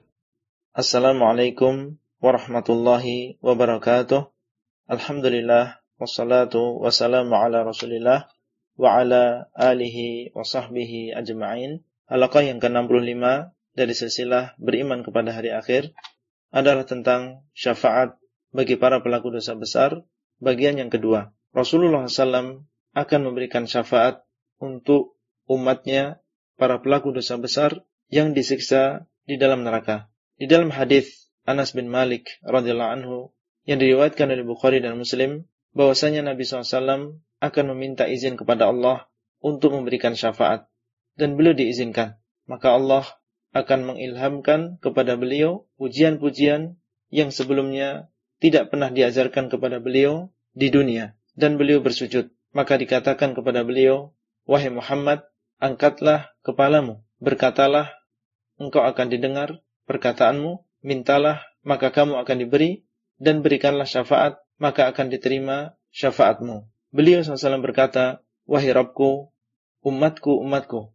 Dikatakan kepada beliau, Pergilah kamu dan keluarkanlah dari neraka orang yang di dalam hatinya ada iman sebesar biji gandum. Maka beliau pergi dan melakukannya. Kemudian beliau kembali lagi dan kembali memuji Allah SWT dan sujud kepadanya. Maka dikatakan kepada beliau, Wahai Muhammad, angkatlah kepalamu, berkatalah, maka akan didengar perkataanmu, mintalah, maka kamu akan diberi, dan berikanlah syafaat, maka akan diterima syafaatmu. Beliau SAW berkata, Wahai Rabbku, umatku, umatku. Dikatakan kepada beliau, Pergilah engkau dan keluarkanlah dari neraka orang yang di dalam hatinya ada iman sebesar darah atau khordalah, yaitu biji sawi. Maka beliau SAW pergi dan melakukannya. Kemudian beliau kembali lagi dan kembali memuji Allah dan sujud kepadanya. Dikatakan kepada beliau, Wahai Muhammad, angkatlah kepalamu, berkatalah, niscaya akan didengar perkataanmu, mintalah, niscaya akan diberi permintaanmu, dan berikanlah syafaat, maka akan diterima syafaatmu. Beliau SAW berkata, Wahai Rabbku, umatku, umatku. Dikatakan kepada beliau, pergilah kamu dan keluarkanlah dari neraka orang yang di dalam hatinya ada iman yang lebih kecil dan lebih kecil dari sebuah biji sawi. Maka beliau pergi dan melakukannya. Kemudian keempat kalinya beliau datang dan kembali memuji dan sujud kepada Allah. Maka dikatakan kepada beliau, Wahai Muhammad, angkatlah kepalamu, berkatalah, niscaya akan didengar perkataanmu, mintalah, maka kamu akan diberi, dan berikanlah syafaat, niscaya akan diterima syafaatmu. Beliau SAW berkata, Wahai Rabbku, izinkan aku untuk memberikan syafaat kepada setiap orang yang mengatakan, La ilaha illallah. Maka Allah berkata, Demi keperkasaanku, kebesaranku, keagunganku, dan kemuliaanku, sungguh ku akan keluarkan dari neraka orang yang mengatakan La ilaha illallah. Maksudnya adalah orang yang mengatakan La ilaha illallah ikhlas dari hatinya dan tidak membatalkannya dengan kesyirikan. Di dalam Sahih Bukhari disebutkan bahwasanya di antara amalan yang bisa menjadi sebab kita mendapatkan syafaat Nabi Muhammad SAW di akhirat adalah membaca doa setelah mendengar azan, yaitu Allahumma Rabba hadhihi da'wati tammah wassalatil qa'imah ati Muhammadanil wasilah wal fadilah wab'athu maqaman mahmudan alladhi wa'adtah. Dan di antara amalan tersebut adalah bersabar atas kesusahan dan kesempitan hidup di kota Madinah, kemudian meninggal di dalamnya. Rasulullah SAW bersabda, La yasbiru ahadun ala la'wa'iha fayamutu illa kuntu lahu syafi'an au syahidan yaumal qiyamah idza kana musliman tidaklah bersabar seseorang atas kesusahan dan kesempitan hidup di kota Madinah kemudian dia meninggal kecuali aku akan menjadi pemberi syafaat untuknya atau pemberi saksi untuknya di hari kiamat apabila dia adalah orang Islam hadis riwayat Muslim. Ada dua golongan dari umat Nabi SAW yang tidak akan mendapatkan syafaat beliau Sallallahu Alaihi Wasallam. Beliau SAW bersabda, Sinfani min ummati lan tanalahuma syafaati imamun zolumun wa kullu ghalin mariqin. Dua golongan dari umatku yang tidak akan mendapatkan syafaatku. Pemimpin yang zalim dan setiap orang yang berlebih-lebihan di dalam agama. Hadis Hasan riwayat At-Tabrani di dalam Al-Mu'jamul Kabir. Kita memohon kepada Allah semoga Allah SWT menerima syafaat Nabi Muhammad SAW untuk kita semua. Itulah yang bisa kita sampaikan pada kesempatan kali ini dan sampai bertemu kembali pada halaqah selanjutnya. Wassalamualaikum warahmatullahi wabarakatuh. Abdullah Rai di kota Al-Madinah. Materi audio ini disampaikan di dalam grup WA Halakoh Silsilah Ilmiah HSI Abdullah Rai.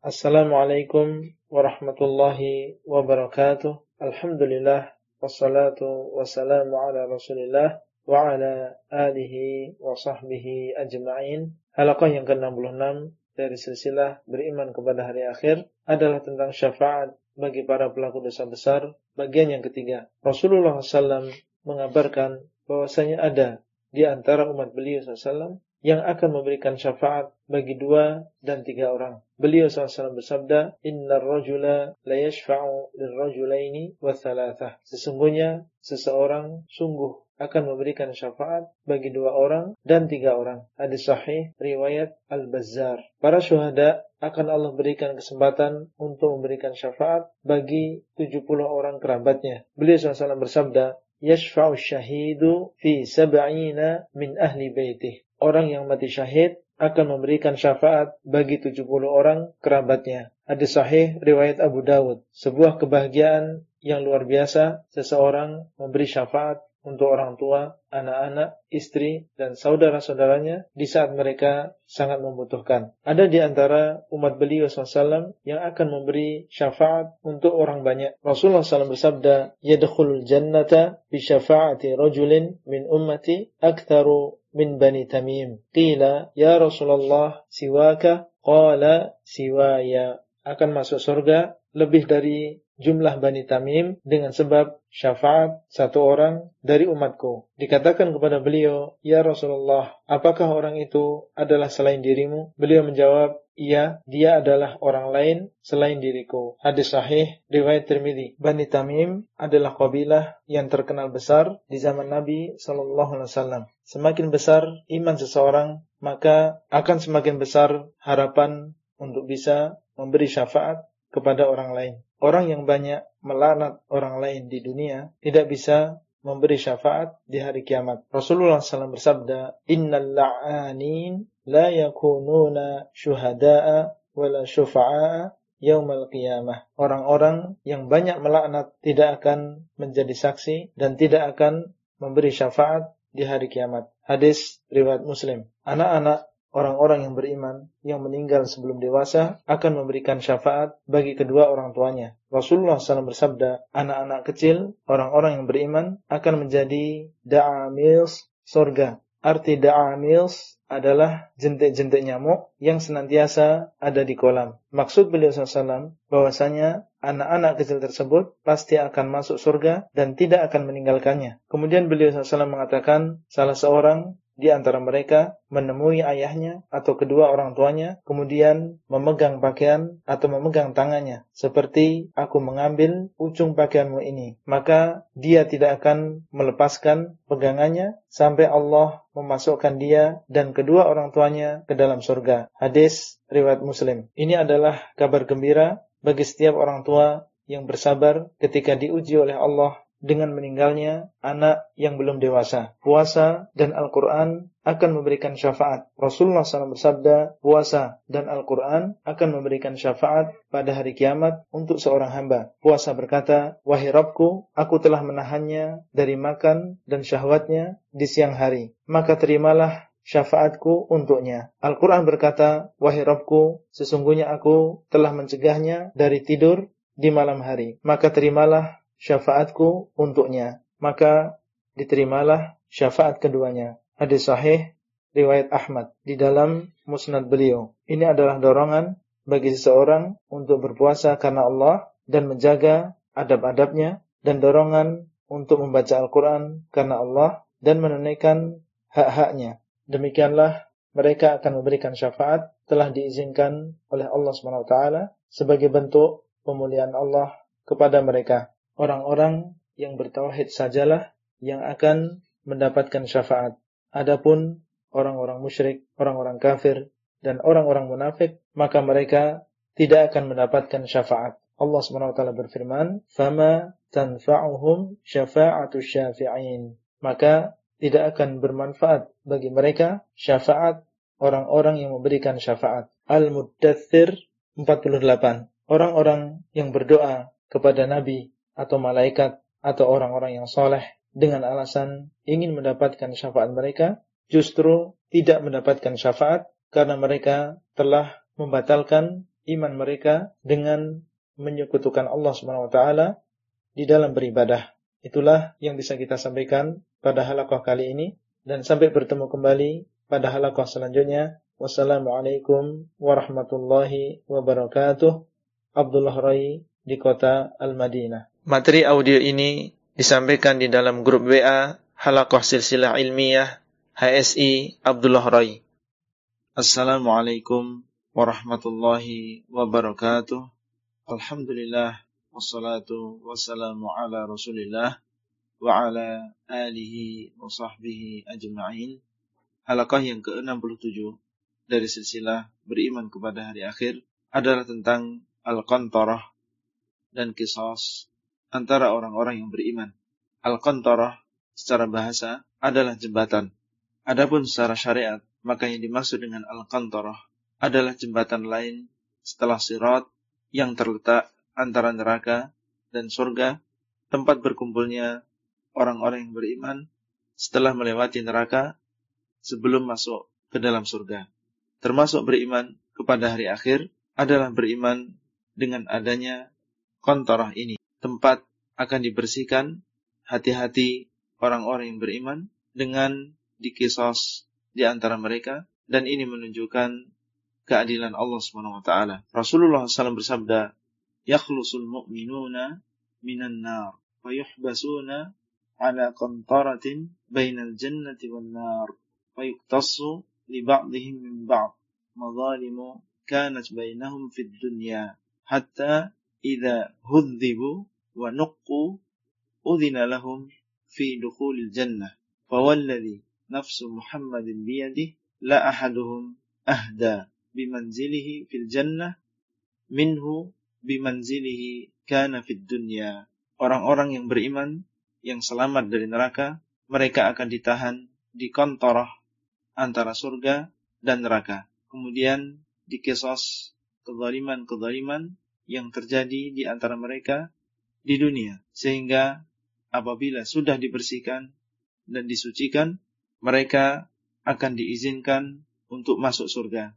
Dan demi zat yang jiwa Muhammad ada di tangannya, sungguh salah seorang dari mereka lebih mengetahui rumahnya di surga daripada rumahnya di dunia.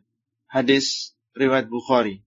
Yang akan dibersihkan di sini adalah ghil yang ada di dalam hati-hati orang-orang yang beriman. Seperti hasad, dendam, kebencian, dan lain-lain yang kadang terjadi di antara mereka. Semakin bersih hati seseorang di dunia, dari ghil, maka akan semakin sebentar kisosnya dan akan semakin cepat dia masuk ke dalam surga. Sebaliknya, semakin banyak ghil, hasad, dendam, dan kebencian kepada sesama orang yang beriman, maka akan semakin lama kisosnya dan semakin lama dia masuk ke dalam surga. Kisos di kontara ini terjadi di antara orang-orang yang beriman saja dengan maksud pembersihan hati. Adapun kisos di padang mahsyar, maka untuk semua makhluk yang kafir maupun yang mukmin yang mencakup kisos karena kezaliman harta, fisik maupun kehormatan. Apabila sudah bersih dari ghil, barulah mereka bisa masuk surga. Karena tidak masuk surga kecuali orang yang sudah benar-benar bersih dan baik keadaannya. Allah taala berfirman, "Wa naza'na ma fi sudurihim min ghil." Dan kami akan hilangkan ghil dari dalam dada-dada mereka. Al-Hijr 47. Semoga Allah taala membersihkan hati kita dan saudara-saudara kita dari hasad, dendam, dan kebencian yang tidak dibenarkan dan semoga Allah SWT menjadikan kita hamba-hambanya yang mudah untuk memaafkan orang lain. Itulah yang bisa kita sampaikan pada halakoh kali ini dan sampai bertemu kembali pada halakoh selanjutnya. Wassalamualaikum warahmatullahi wabarakatuh. Abdullah Rai di kota Al-Madinah. Materi audio ini disampaikan di dalam grup WA Halakoh Silsilah Ilmiah HSI Abdullah Rai. Assalamualaikum warahmatullahi wabarakatuh. Alhamdulillah wassalatu wassalamu ala Rasulillah wa ala alihi wa sahbihi ajma'in. Halaqah yang ke-68 dari silsilah beriman kepada hari akhir adalah tentang masuknya orang-orang yang beriman ke dalam surga. Bagian yang pertama, setelah dibersihkan hatinya, maka orang-orang yang beriman akan digiring menuju surga dengan terhormat dan dimuliakan. Allah akan kembali memuliakan nabinya di hadapan orang-orang yang beriman. Beliau sallallahu alaihi wasallam akan diizinkan untuk memberi syafaat bagi calon penduduk surga supaya dibukakan pintu surga. Syafaat ini juga termasuk syafaat khusus bagi beliau sallallahu alaihi wasallam. Beliaulah sallallahu alaihi wasallam yang pertama kali akan mengetuk pintu surga. Beliau sallallahu bersabda, "Wa ana awwalu man yaqra'u babal jannah." Dan akulah yang pertama kali akan mengetuk pintu surga. Hadis riwayat Muslim. Beliau SAW juga bersabda, Aku akan mendatangi pintu surga pada hari kiamat. Kemudian aku minta untuk dibuka. Berkatalah penjaga surga, siapa kamu? Aku menjawab, Muhammad, berkatalah penjaga surga, dengan mulah aku diperintah, aku tidak membukanya untuk seorang pun sebelummu. Hadis riwayat Muslim. Dibukalah pintu-pintu surga dan masuklah penduduk surga dengan disambut oleh para malaikat. Allah SWT berfirman yang artinya dan orang-orang yang bertakwa kepada Rob mereka akan digiring ke surga secara berombongan. Sehingga apabila mereka sampai ke surga dan pintu-pintunya telah dibuka dan berkatalah penjaga-penjaga surga kepada mereka, salam atas kalian. Kalian telah baik, maka masuklah kalian ke dalam surga, sedang kalian kekal di dalamnya. Dan mereka mengucapkan, segala puji bagi Allah yang telah memenuhi janjinya untuk kami dan telah memberi kami tempat ini. Kami diperkenankan menempati tempat di dalam surga di mana saja kami kehendaki. Maka surga itulah sebaik-baik balasan bagi orang-orang yang beramal. Az-Zumar 73 sampai 74. Umat Nabi sallallahu alaihi wasallam merekalah yang pertama kali akan masuk surga sebelum umat yang lain. Beliau SAW bersabda, Nahnul akhiruna al-awwaluna yawmal qiyamah, wa nahnu awwalu man yadkhulul jannah. Kita adalah umat terakhir, tapi akan menjadi yang pertama di hari kiamat. Dan kita yang pertama kali akan masuk surga. Hadis riwayat Bukhari dan Muslim.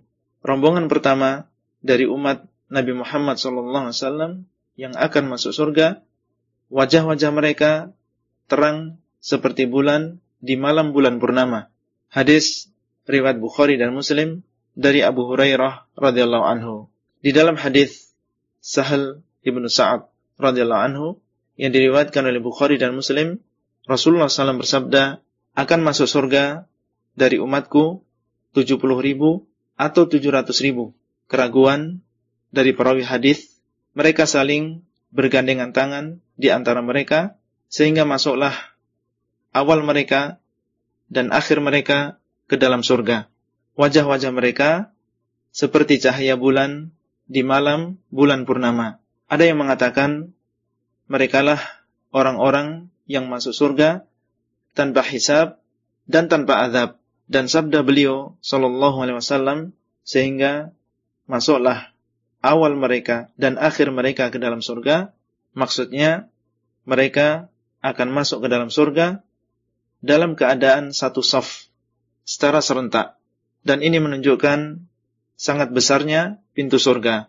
Rasulullah SAW mengabarkan bahwasanya orang-orang fakir muhajirin akan lebih dulu masuk ke dalam surga 40 tahun sebelum orang-orang kaya muhajirin. Hadis riwayat Muslim. Itulah yang bisa kita sampaikan pada halaqah kali ini dan sampai bertemu kembali pada halaqah selanjutnya. Wassalamualaikum warahmatullahi wabarakatuh. Abdullah Rai di kota Al-Madinah. Materi audio ini disampaikan di dalam grup WA Halaqah Silsilah Ilmiah HSI Abdullah Rai. Assalamualaikum warahmatullahi wabarakatuh. Alhamdulillah wassalatu wassalamu ala rasulillah wa ala alihi wa sahbihi ajma'in. Halaqah yang ke-69 dari silsilah beriman kepada hari akhir adalah tentang masuknya orang-orang yang beriman ke dalam surga.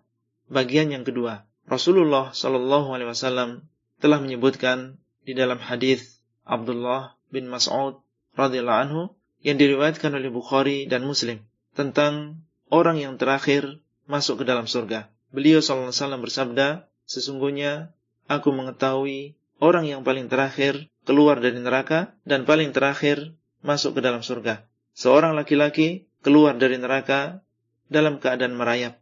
Maka Allah berkata kepadanya, pergilah dan masuklah ke dalam surga. Dia pun mendatangi surga, kemudian dibuat terbayang baginya bahwa surga telah penuh.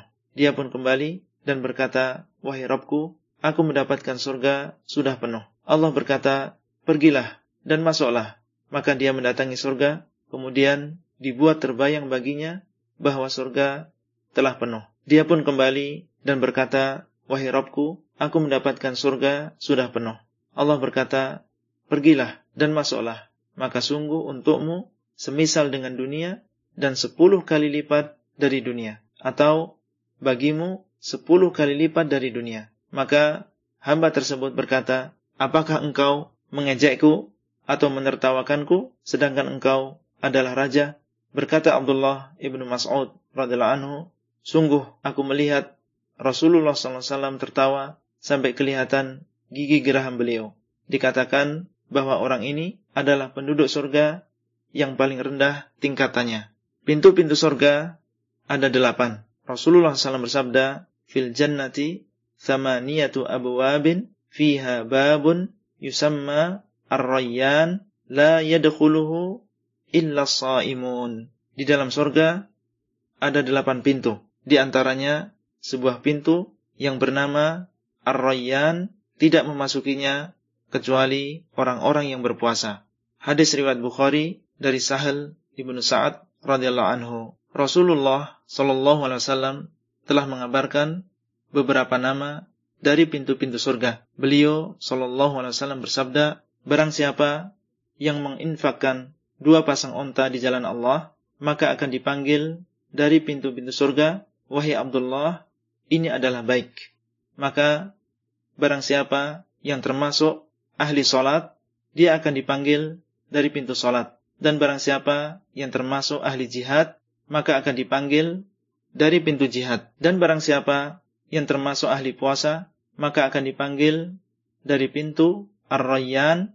Dan barang siapa yang termasuk ahli sadaqah, maka akan dipanggil dari pintu sadaqah.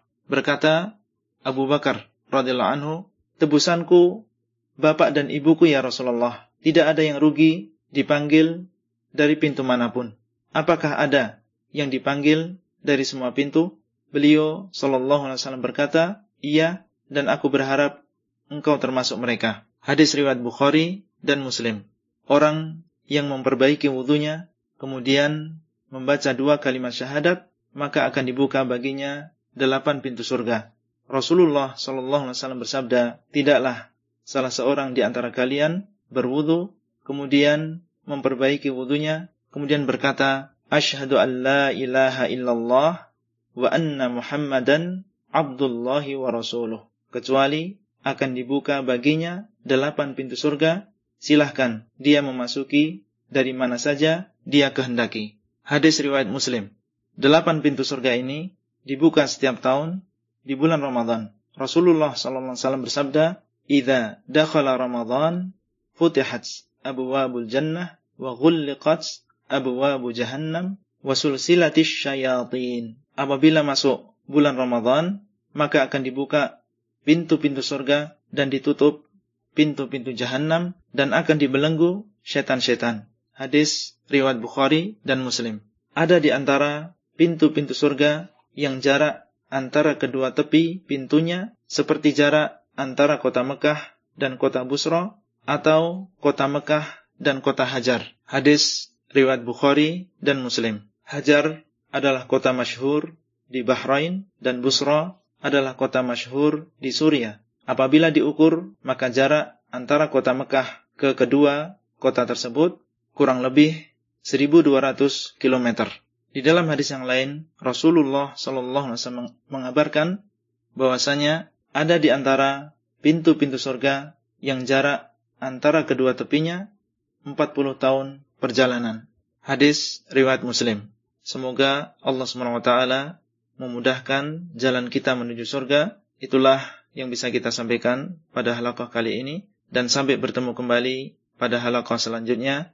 Wassalamualaikum warahmatullahi wabarakatuh. Abdullah Rai di kota Al-Madinah. Materi audio ini disampaikan di dalam grup WA Halakoh Silsilah Ilmiah HSI Abdullah Rai. Assalamualaikum warahmatullahi wabarakatuh.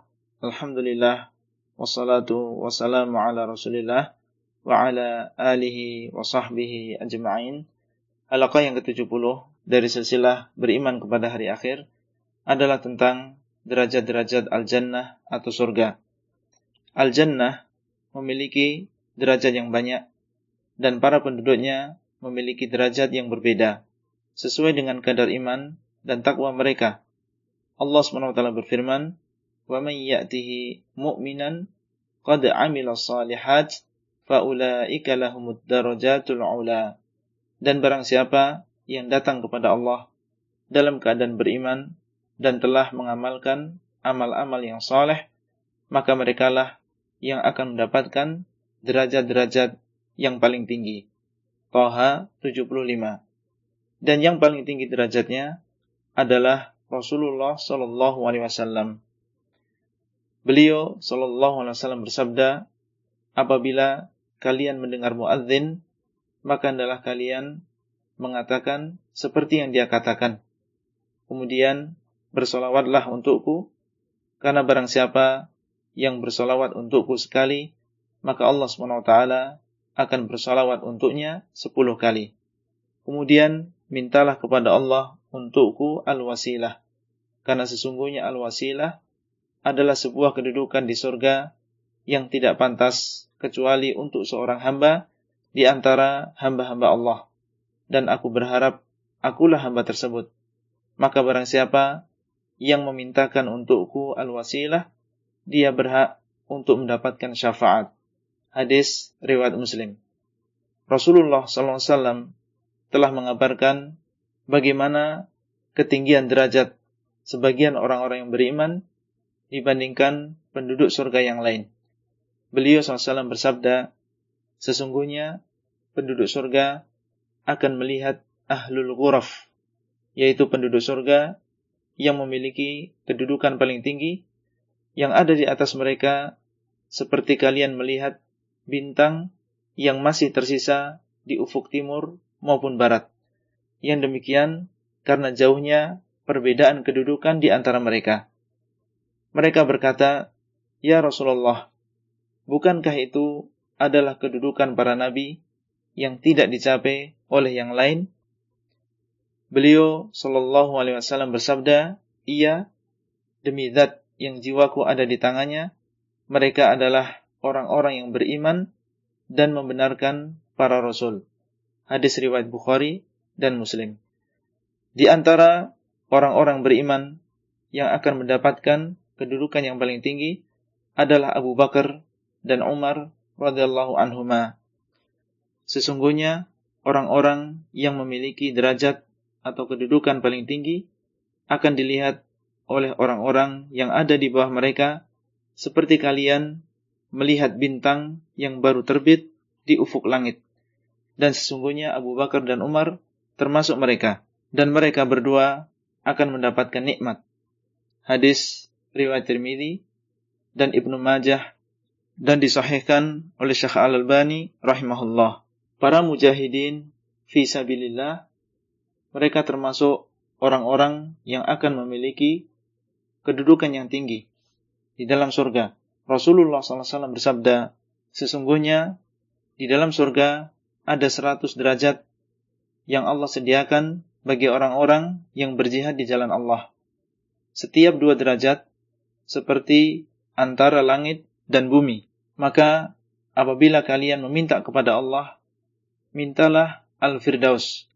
Karena sesungguhnya Al-Firdaus adalah surga yang paling afdal dan surga yang paling tinggi di atasnya ada arsyur rahman.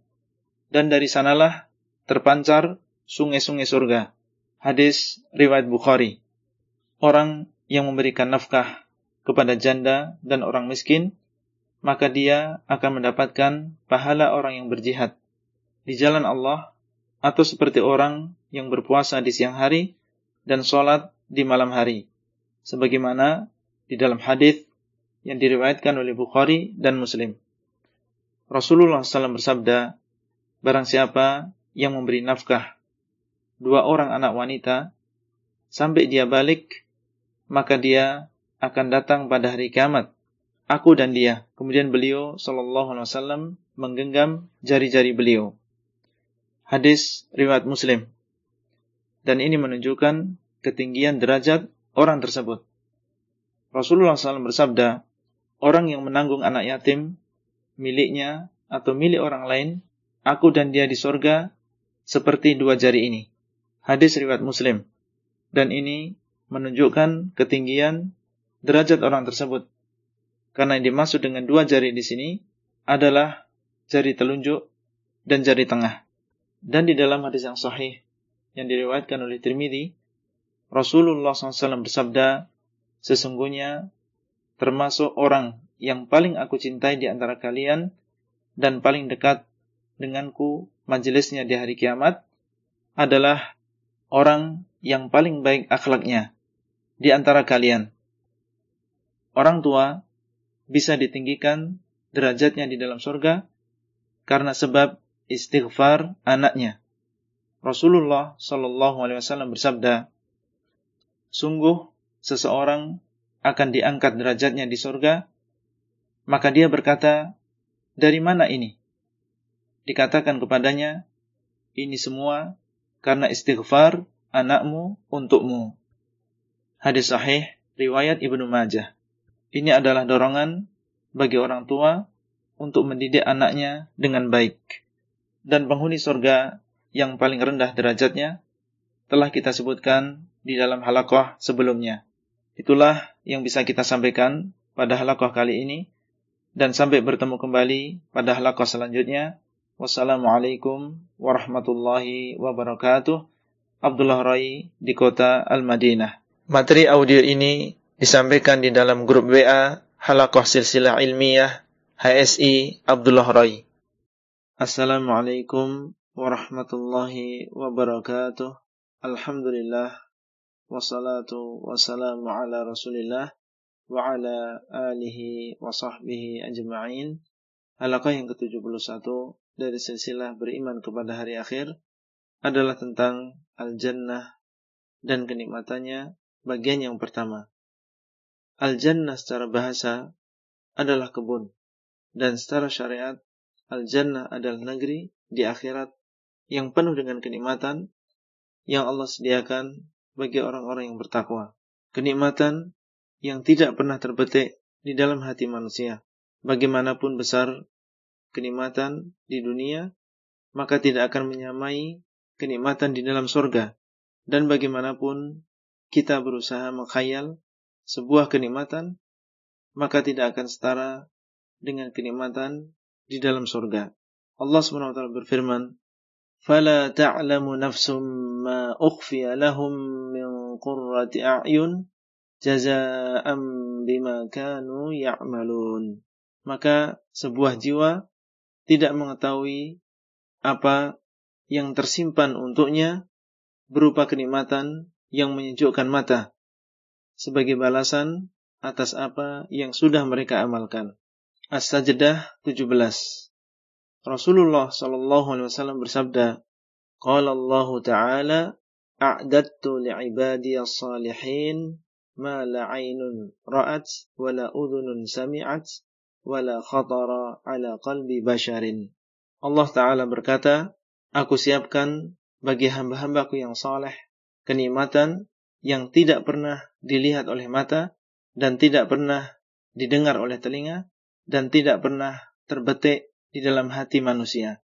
Hadis riwayat Bukhari dan Muslim. Allah SWT telah mengabarkan kepada kita sebagian dari kenikmatan surga. Nama-nama kenikmatan di dalam surga yang Allah kabarkan kepada kita sama dengan nama-nama kenikmatan yang ada di dunia. Namun memiliki sifat yang berbeda. Rumah di surga lain dengan rumah di dunia meskipun namanya sama-sama rumah. Demikian pula buah-buahan di surga jauh lebih nikmat daripada buah-buahan di dunia meski sama namanya. Allah SWT berfirman, "Kullama ruziqu minha min thamaratir rizqan qalu hadha alladhi ruziqna min qablu wa utu bihi mutasyabiha." Setiap kali mereka diberi buah-buahan dari surga, mereka berkata, inilah rezeki yang telah diberikan kepada kami dahulu di dunia. Mereka diberi buah-buahan yang serupa. Al-Baqarah 25. Ada yang mengatakan serupa warna, bentuk, dan namanya. namun berbeda rasa dan kelezatannya. Orang yang masuk ke dalam surga dan merasakan sedikit dari kenikmatan surga akan merasa bahwa dia tidak pernah susah di dunia. Rasulullah Shallallahu Alaihi Wasallam bersabda, dan akan didatangkan seorang penduduk surga yang paling susah di dunia. Kemudian dicelupkan sekali celupan di dalam surga. Kemudian ditanya, Wahai anak Adam, pernahkah engkau merasakan kesengsaraan? Apakah pernah engkau tertimpa kesusahan? Dia menjawab, Tidak pernah demi Allah. Wahai Rabbku, tidak pernah aku sengsara dan tidak pernah aku melihat kesusahan. Hadis riwayat Muslim. Dan di antara kesempurnaan kenikmatan surga bahwa apa yang kita inginkan akan diberi oleh Allah Subhanahu wa taala. Allah Subhanahu wa taala berfirman, "Lahum fiha ma yasha'una khalidin." Bagi mereka lah apa yang mereka inginkan di dalam surga, mereka kekal di dalamnya. Al-Furqan 16. Oleh karena itu, di antara nama-nama surga adalah Jannatun Na'im, yaitu jannah yang penuh dengan kenikmatan. Lihat surat Luqman ayat 8. Dan di antara nama-nama surga adalah Darussalam, yang artinya negeri yang selamat. Maksudnya selamat dari semua kekurangan dan kejelekan. Lihat Al-An'am 127. Dan di antara nama surga adalah makom amin, yang artinya tempat tinggal yang aman, yaitu aman dari segala musibah dan kejelekan. Lihat surat Ad-Dukhan 51. Dan di antara nama-nama surga adalah Darul Muqamah, yang artinya negeri yang terus-menerus ditempati. Surat Fatir 35. Demikianlah kesempurnaan kenikmatan di dalam surga. Negeri yang penuh dengan kenikmatan, selamat dari semua kekurangan, aman dari segala musibah, dan kekal selama-lamanya. Itulah yang bisa kita sampaikan pada halaqah kali ini, dan sampai bertemu kembali pada halaqah selanjutnya.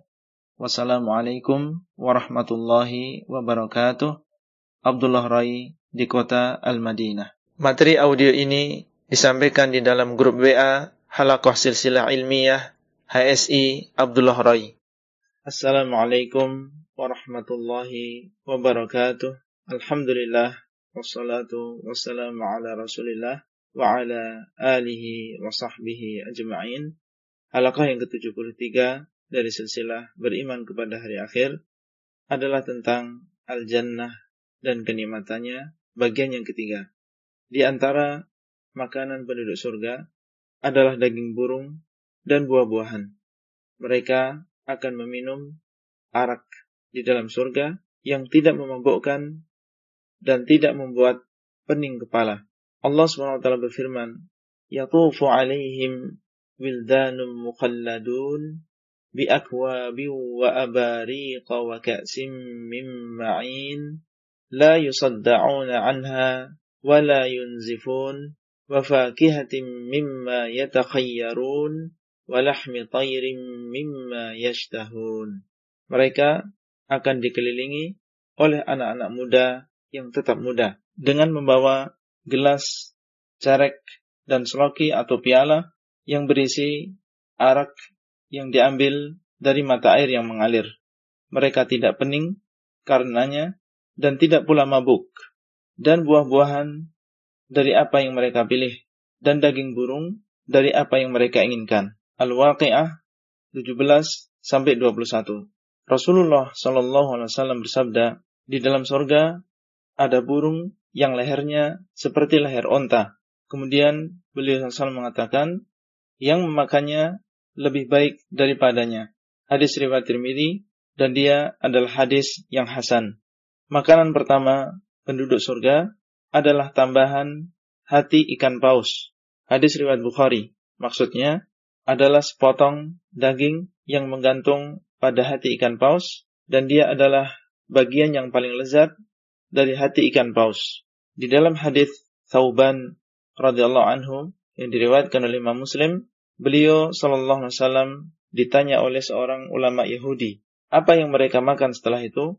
Beliau sallallahu alaihi wasallam berkata, akan disembelih bagi mereka sapi jantan dari surga yang akan dimakan oleh semua penduduk surga. Ulama Yahudi tersebut berkata, apa yang mereka minum setelahnya? Beliau sallallahu alaihi wasallam berkata, mereka meminum dari mata air di dalam surga yang dinamakan salsabil. Para penduduk surga makan bukan karena lapar dan minum bukan karena haus dan mereka tidak mengeluarkan kotoran. Rasulullah SAW bersabda, sesungguhnya penduduk surga makan dan minum dan tidak meludah, tidak buang air kecil, tidak buang air besar dan tidak membuang ingus. Mereka bertanya, lalu ke mana makanannya? Beliau Wasallam berkata, menjadi sendawa dan keringat seperti keringat minyak kasturi. Hadis riwayat Muslim. Bejana-bejana mereka seperti piring, cangkir, gelas dan teko terbuat dari emas dan perak.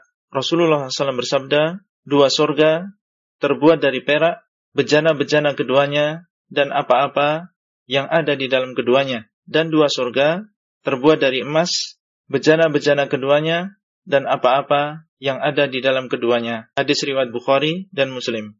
Pakaian penduduk surga terbuat dari sutra, memakai perhiasan dari emas, perak dan mutiara. Allah SWT berfirman, "Yuhallawna fiha min asawira min dhahabin wa lu'lu'a wa libasuhum fiha harir." Mereka diberi perhiasan gelang dari emas dan perhiasan mutiara dan pakaian mereka dari sutra. Al-Hajj 23. Allah SWT juga berfirman, "Aliyahum thiyabu sundusin khudru wa istabraq wa hullu asawira min fiddah wasaqahum rabbuhum syaraban tahura. Mereka akan memakai pakaian dalam dari sutra halus yang berwarna hijau dan memakai pakaian luar dari sutra tebal dan dihiasi dengan gelang dari perak dan Rabb mereka memberi minum kepada mereka dengan air yang sangat bersih. Al-Insan 21. Mereka akan bersandar di atas permadani yang dalamnya terbuat dari sutra tebal. Lihat Ar-Rahman 54 dan akan bersandar di atas sofa yang tersusun. Lihat At-Tur 20. Para penduduk surga akan saling bertemu dan bertegur sapa. Allah SWT berfirman, "Wa aqbala ba'dhum 'ala ba'din yatasaalun qalu inna kunna qablu fi ahlina mushfiqin. Famannallahu alaina wa waqana adzabas samum.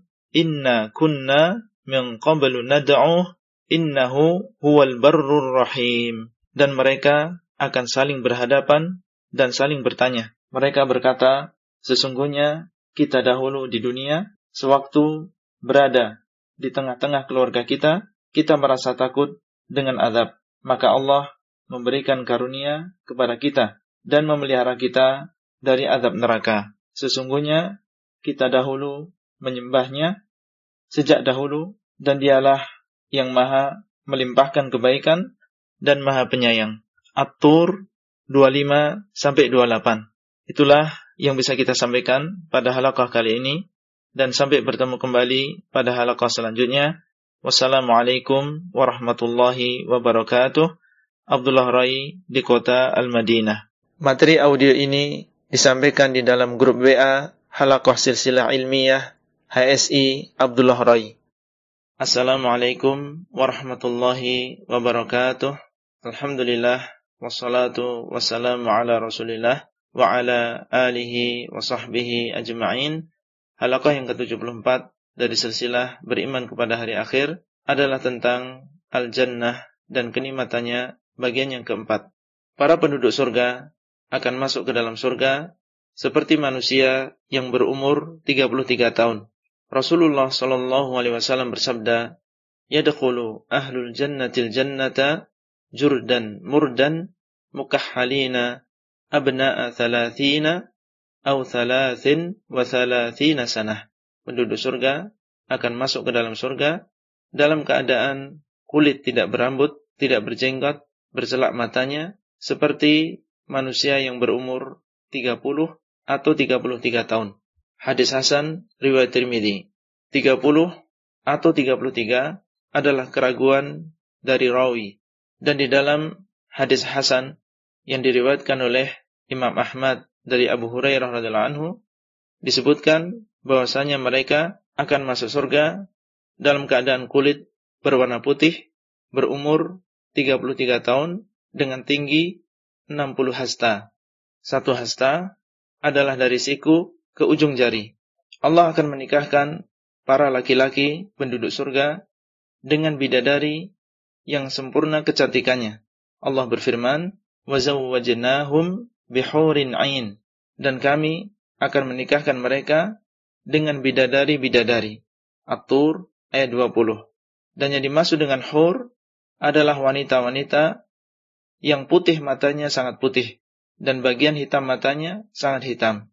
Dan ain adalah wanita-wanita yang lebar matanya. Allah menyebutkan bahwasanya bidadari-bidadari tersebut besar payudaranya dan sebaya umurnya An-Naba 33. Mereka diciptakan oleh Allah SWT secara langsung dalam keadaan perawan dan penuh rasa cinta kepada suaminya. Al-Waqi'ah 35 sampai 37. Sangat cantik seperti mutiara yang tersimpan yang tidak berubah warnanya. Al-Waqi'ah 23. Dan ada yang seperti batu mulia dan mereka menjaga pandangan mereka hanya untuk suaminya. Ar-Rahman 56 sampai 58. Para bidadari tersebut tidak pernah haid dan mereka bersih dari segala kotoran. Al-Baqarah 25. Rasulullah sallallahu alaihi wasallam menyebutkan bahwasanya seandainya salah seorang bidadari muncul dan melihat ke bumi, niscaya dia akan menyinari apa yang ada di antara surga dan bumi. Dan niscaya akan memenuhi antara surga dan bumi dengan bau wangi. Dan sungguh, khimar atau kerudung seorang bidadari lebih baik daripada dunia dan seisinya. Hadis riwayat Bukhari. Para bidadari tersebut akan cemburu bila suaminya yang sedang di dunia disakiti oleh istrinya di dunia. Sebagaimana tersebut di dalam hadis yang sahih riwayat Tirmidzi dan Ibnu Majah. Lelaki penduduk surga akan diberi kekuatan seratus kali lipat dalam makan, minum, syahwat, dan mendatangi istrinya. Hadis sahih riwayat atau Brani di dalam Al-Mu'jamul Kabir. Istri di dunia akan menjadi istri di akhirat apabila istri tersebut beriman. Allah SWT berfirman, jannatu adnin yadkhulunaha wa man salaha min abaihim wa azwajihim wa dhurriyyatihim. Surga-surga yang mereka akan masuk ke dalamnya dan juga orang-orang yang soleh dari bapak-bapak mereka, istri-istri mereka, dan keturunan-keturunan mereka. Ar-Ra'ad 23. Para penduduk surga akan dilayani oleh anak-anak muda yang Allah ciptakan di dalam surga, mereka sangat indah dipandang dan banyak seperti mutiara-mutiara yang bertebaran. Lihat Al-Waqi'ah 17 dan Al-Insan 19. Itulah yang bisa kita sampaikan pada halaqah kali ini dan sampai bertemu kembali pada halaqah selanjutnya. Wassalamualaikum warahmatullahi wabarakatuh. Abdullah Rai di kota Al-Madinah. Materi audio ini disampaikan di dalam grup WA Halakoh Silsilah Ilmiah HSI Abdullah Rai. Assalamualaikum warahmatullahi wabarakatuh. Alhamdulillah wassalatu wassalamu ala Rasulillah wa ala alihi wa sahbihi ajma'in. Halaqah yang ke-75 dari silsilah beriman kepada hari akhir adalah tentang al-jannah dan kenikmatannya bagian yang kelima. Sebagian besar penduduk surga adalah orang-orang lemah. Rasulullah sallallahu alaihi wasallam bersabda, "Fakana 'ammatu man dakhalaha al-masakin. Maka sebagian besar orang yang memasukinya adalah orang-orang miskin. Hadis riwayat Bukhari dan Muslim. Rasulullah SAW telah mengabarkan beberapa nama penduduk surga. Di antaranya Abu Bakar, Umar, Uthman, dan Ali radhiyallahu anhum. Sebagaimana di dalam hadis yang sahih yang diriwayatkan oleh Tirmidzi. Kenikmatan paling besar bagi penduduk surga di atas segala kenikmatan surga yang mereka rasakan adalah memandang wajah Allah yang mulia. Rasulullah Shallallahu Alaihi Wasallam bersabda, apabila penduduk surga masuk ke dalam surga, maka Allah Tabaraka wa Taala akan berkata, apakah kalian menginginkan aku tambah kenikmatan kepada kalian? Mereka berkata, bukankah engkau telah memutihkan wajah-wajah kami? Bukankah engkau telah memasukkan kami ke dalam surga dan menyelamatkan kami dari neraka? Allah pun menyingkap hijab, maka mereka tidak diberi sesuatu yang lebih mereka cintai daripada melihat kepada Rabb mereka Azza wa Jal. Hadis riwayat Muslim. Allah SWT berfirman, "Lilladzina ahsanul husna wa ziyadah." Bagi orang-orang yang berbuat baik adalah surga dan tambahan. Yunus 26. Tambahan di dalam ayat di atas adalah memandang wajah Allah sebagaimana datang tafsirnya dari para sahabat seperti Abu Bakar, Abu Musa Al-Ash'ari dan Hudzaifah radhiyallahu anhum. Para penduduk surga akan sangat berbahagia dan wajah mereka berseri-seri ketika melihat Allah Azza wa Jal, zat yang selama di dunia mereka imani dan mereka sembah. Padahal mereka tidak pernah melihatnya. Mereka taati perintahnya, mereka jauhi larangannya, mereka benarkan kabar-kabarnya, bersabar atas ujiannya, mereka baca dan dengarkan firmannya, mereka ikuti nabinya, menyeru kepada jalannya, dan merindukan pertemuan dengannya, meskipun dengan segala kekurangan yang mereka miliki. Allah SWT berfirman, Wujuhu yawma nadirah ila rabbiha nadhirah. Wajah-wajah pada hari itu berseri-seri melihat kepada Rabb mereka. Al-Qiyamah 22 sampai 23. Saudaraku, jalan ke surga adalah jalan yang penuh dengan rintangan. Tidak sampai ke sana kecuali orang yang bersabar. Ada perintah yang harus dikerjakan, ada larangan yang harus dijauhi, dan ada ujian yang harus kita sabar menghadapinya. Rasulullah Shallallahu Alaihi Wasallam bersabda, "Huffatil jannatu bil makarih, wa huffatin naru bisyahawat." Surga dikelilingi perkara-perkara yang dibenci dan neraka dikelilingi perkara-perkara yang menyenangkan. Hadis riwayat Muslim. Kesenangan dunia adalah kesenangan yang sedikit, sebentar, dan banyak kekurangan.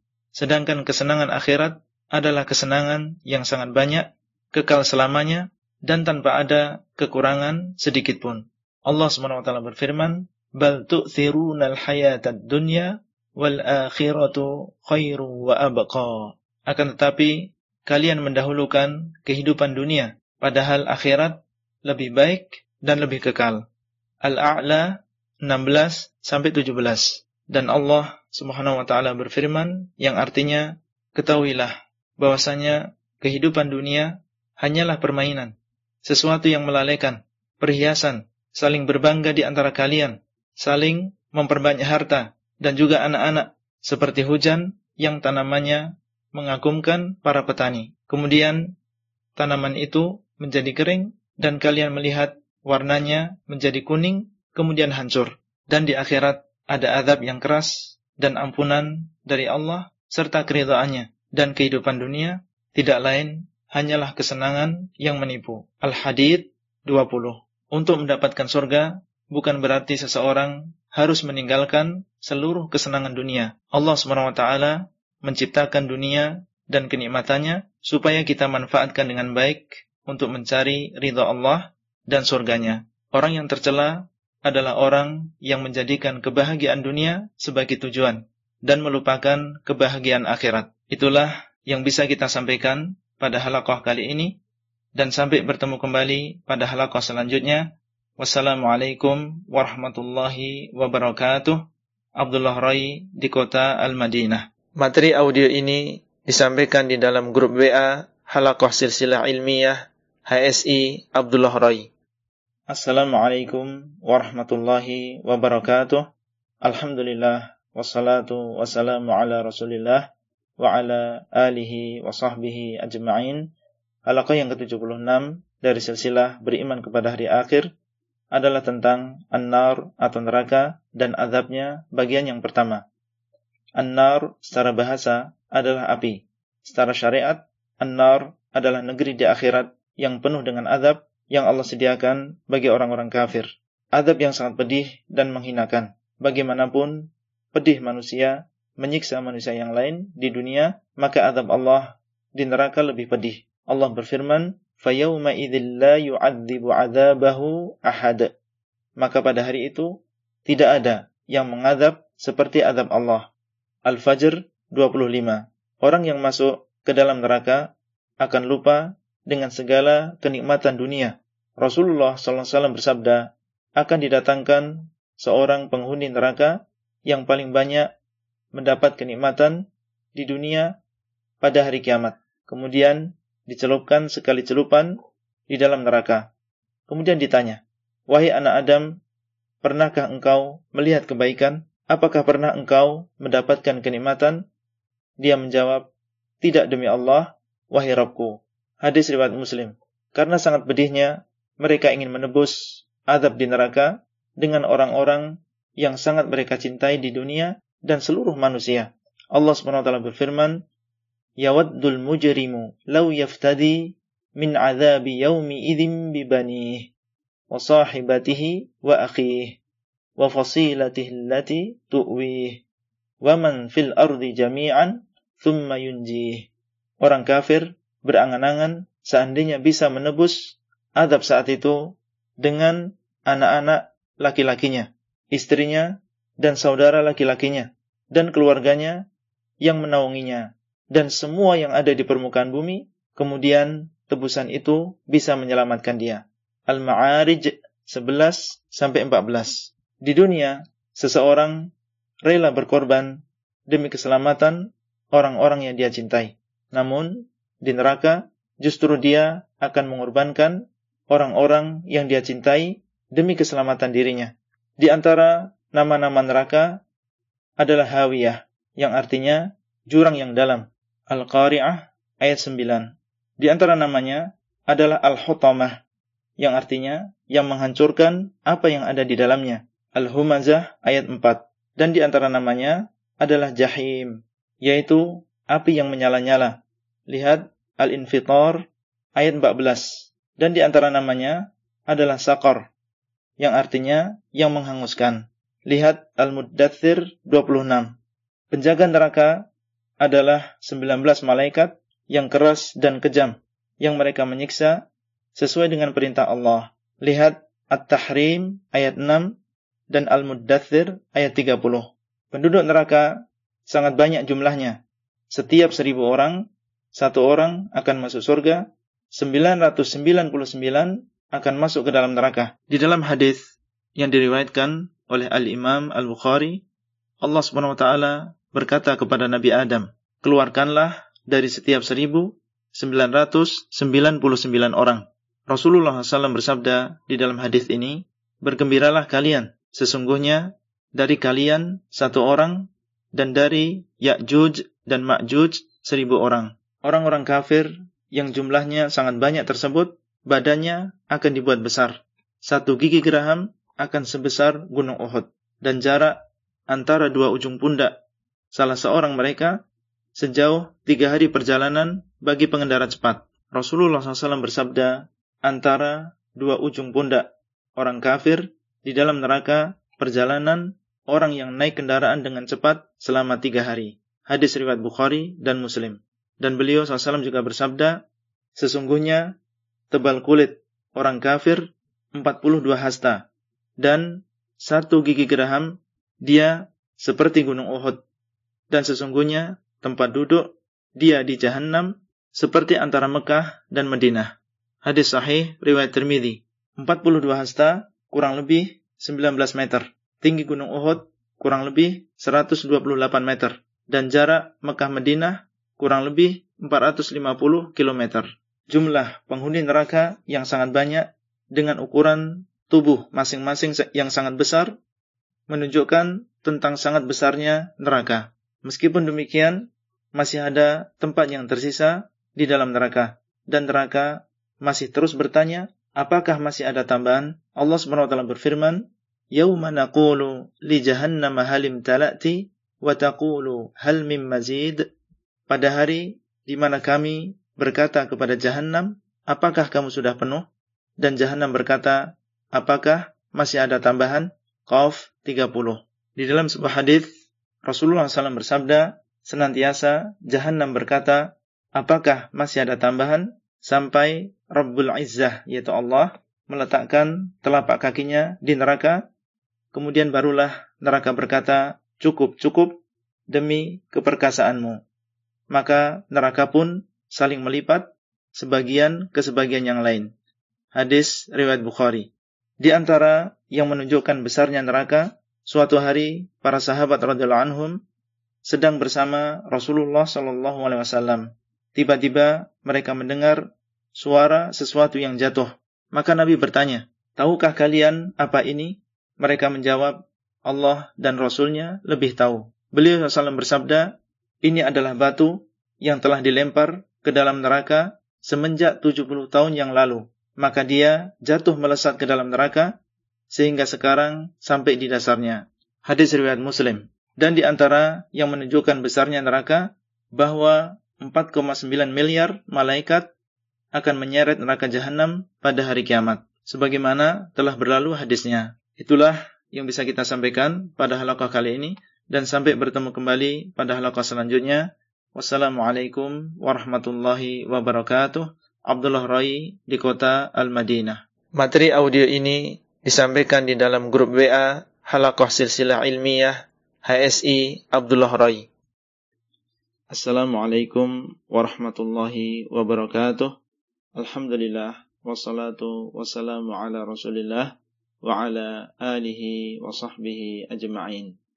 Halaqah yang ke-77 dari silsilah beriman kepada hari akhir adalah tentang an-nar atau neraka dan adabnya bagian yang kedua. Neraka akan dinyalakan di hari kiamat dan apabila sudah menyala, dia tidak akan padam. Allah SWT berfirman, "Wa idzal jahimu su'irat." Dan apabila neraka dinyalakan, At-Takwir 12. Dan Allah berfirman, "Kullama khabat zidnahum sa'ira." Setiap kali neraka akan padam, maka kami akan menambah nyala apinya Al-Isra 97. Neraka bisa melihat, mendengar, dan berbicara. Rasulullah SAW bersabda, akan keluar potongan dari neraka yang berbentuk leher pada hari kiamat. Dia memiliki dua mata yang melihat, dua telinga yang mendengar, dan lisan yang berbicara.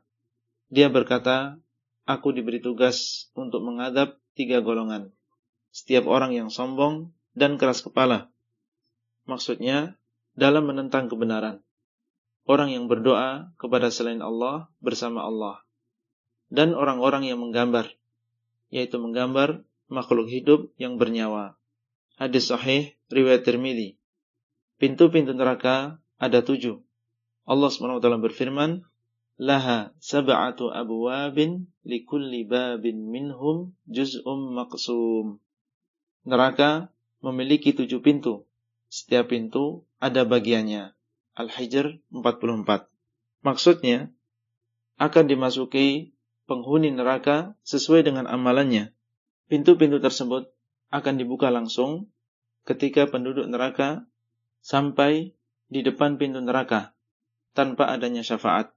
Lihat Az-Zumar 71. Di bulan Ramadan, tujuh pintu ini akan ditutup. Hadis riwayat Bukhari dan Muslim. Setelah masuk orang-orang kafir ke dalam neraka, maka pintu-pintu tersebut tidak akan dibuka untuk mereka. Allah SWT berfirman, "Alaihim narum muqsadah." Bagi mereka neraka yang tertutup. Al-Balad 20. Neraka memiliki tingkatan-tingkatan sesuai dengan kedahsyatan azabnya. orang-orang munafik berada di tingkat paling bawah. Allah SWT berfirman, Innal munafiqina fid darkil asfali minan nar. Sesungguhnya orang-orang munafik berada di tingkat paling bawah dari neraka. An-Nisa 145. Dan orang yang paling ringan adabnya adalah yang disebutkan oleh Rasulullah SAW. Sesungguhnya penghuni neraka yang paling ringan adabnya adalah orang yang memakai dua sandal dan dua tali sandal dari api. Akan mendidih otaknya dengan sebab keduanya, seperti mendidihnya periuk dia tidak melihat ada orang yang lebih keras adabnya daripada dia. Padahal sesungguhnya dialah orang yang paling ringan adabnya. Hadis riwayat Bukhari dan Muslim. Bahan bakar neraka adalah orang-orang kafir, batu, dan segala sesuatu yang disembah selain Allah dan dia ridha. Allah SWT berfirman, "Fattaqun naral lati waquduha an-nasu wal hijarah u'iddat lil kafirin." maka hendaklah kalian takut dengan neraka yang bahan bakarnya manusia dan batu yang disediakan untuk orang-orang kafir. Al-Baqarah 24.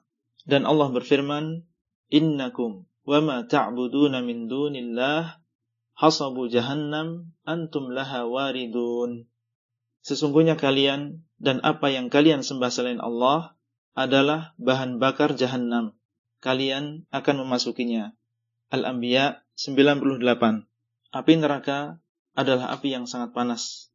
Dan telah berlalu bahwasanya api di dunia adalah satu dari 70 bagian api neraka. Tidak ada kesejukan sama sekali di dalam neraka. Benda-benda sekitar yang diharapkan memiliki kesejukan ternyata merupakan adab tersendiri bagi penghuninya. Angin yang sangat panas, air yang mendidih, dan teduhan atau naungan dari asap yang hitam. Allah berfirman, "Wa ashabus shimali ma ashabus shimal fi samumi wa hamim wa dhillim min yahmum la baridin wa la karim." Dan golongan kiri betapa sengsaranya golongan kiri. Di dalam siksaan angin yang sangat panas, air yang mendidih, dan teduhan asap yang hitam teduhan yang tidak dingin dan tidak menyenangkan untuk dipandang. Al-Waqiah 41 sampai 44. Dan Allah berfirman yang artinya, Pergilah kalian kepada teduhan yang memiliki tiga cabang, yang tidak menaungi dan tidak melindungi dari api neraka. Sungguh neraka akan melemparkan percikan api sebesar istana. Maksudnya, tinggi dan besar Percikan api tersebut seperti onta-onta hitam yang condong ke warna kuning. Al-Mursalat 30 sampai 33. Penghuni neraka adalah orang-orang kafir yang terdiri dari orang-orang musyrik, ahlul kitab yaitu Yahudi dan Nasrani dan orang-orang munafik. Allah berfirman, "Innal ladzina kafaru min ahlil kitab wal musyrikina fi nari jahannam khalidina fiha." Sesungguhnya orang-orang kafir dari ahlul kitab dan orang-orang musyrik berada di dalam neraka jahanam kekal di dalamnya. Al-Bayyinah ayat 6. Dan Allah berfirman, Inna allaha jami'ul munafiqina wal kafirina fi jahannama jami'a. Sesungguhnya Allah akan mengumpulkan orang-orang munafik dan orang-orang kafir di dalam jahanam semuanya. An-Nisa 140. Di antara penghuni neraka adalah Fir'aun yang ada di zaman Nabi Musa. Lihat surat Hud 98. Istri Nabi Nuh dan Nabi Lut. At-Tahrim ayat 10. Serta Abu Lahab dan istrinya. Lihat surat Al-Masad 1 sampai 5. Itulah yang bisa kita sampaikan pada halaqah kali ini dan sampai bertemu kembali pada halaqah selanjutnya. Wassalamualaikum warahmatullahi wabarakatuh. Abdullah Rai di kota Al-Madinah. Materi audio ini disampaikan di dalam grup WA Halakoh Silsilah Ilmiah HSI Abdullah Rai. Assalamualaikum warahmatullahi wabarakatuh. Alhamdulillah wassalatu wassalamu ala Rasulillah wa ala alihi wa sahbihi ajma'in. Halaqah yang ke-78 dari silsilah beriman kepada hari akhir adalah tentang an-nar atau neraka dan azabnya bagian yang ketiga. Di antara makanan penduduk neraka adalah dari Allah SWT berfirman, "Laisa lahum ta'amun illa min dhari' la yusminu wa la yughni min ju'." Tidak ada makanan bagi mereka kecuali dhari' yang tidak menggemukkan dan tidak menghilangkan lapar. Al-Ghashiyah 6 sampai 7. Ada yang mengatakan dhari' adalah nama tumbuhan berduri dan di antara makanan mereka adalah buah dari pohon zakum. Allah SWT berfirman, Inna syajarataz zakum ta'amul athim kal muhli yaghli fil butun kaghalyil hamim. Sesungguhnya pohon zakum adalah makanan orang yang sangat berdosa. Dia seperti cairan logam yang mendidih di dalam perut, seperti mendidihnya air yang sangat panas. Ad-Dukhan 43 sampai 46.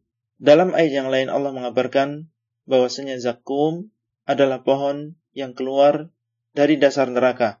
Mayangnya seperti kepala-kepala setan dan para penghuni neraka akan memakannya dan memenuhi perutnya dengan buah tersebut. As-Saffat 62 sampai 66. Allah juga menyebutkan bahwasanya setelah penuh perut mereka dengan buah zakum, maka mereka akan meminum dari air yang mendidih, seperti onta yang sangat kehausan. Lihat Al-Waqi'ah 51 sampai 55. Di dalam surat Al-Kahfi 29 disebutkan bahwasanya setiap kali mereka meminta air minum, maka mereka akan diberi air minum seperti cairan logam yang mendidih yang akan menghanguskan wajah-wajah mereka. Maksudnya, ketika air tersebut mendekat ke mulut mereka. Dan ketika meminumnya, maka air panas tersebut akan memotong-motong usus mereka. Allah SWT berfirman, "Wasuqu ma'an hamiman faqatta'a am'a'ahum." Dan mereka akan diberi air minum yang sangat panas, maka air panas tersebut akan memotong-motong usus-usus mereka. Surat Muhammad ayat 15. Dan di antara makanan penghuni neraka adalah ghislin, yaitu nanah penduduk neraka yang sangat busuk baunya dan sangat tidak enak rasanya. Allah SWT berfirman, فَلَيْسَ لَهُ الْيَوْمَ هَاهُنَا حَمِيمٌ وَلَا طَعَامٌ illa min ghislin la ya'kuluhu illal khati'un. Maka tidak ada baginya pada hari ini teman dekat di sini. Dan tidak ada makanan bagi mereka kecuali dari ghislin. Tidak memakannya kecuali orang-orang yang berdosa. Al-Haqqah 35 sampai 37. Pakaian mereka dari api dan tembaga panas.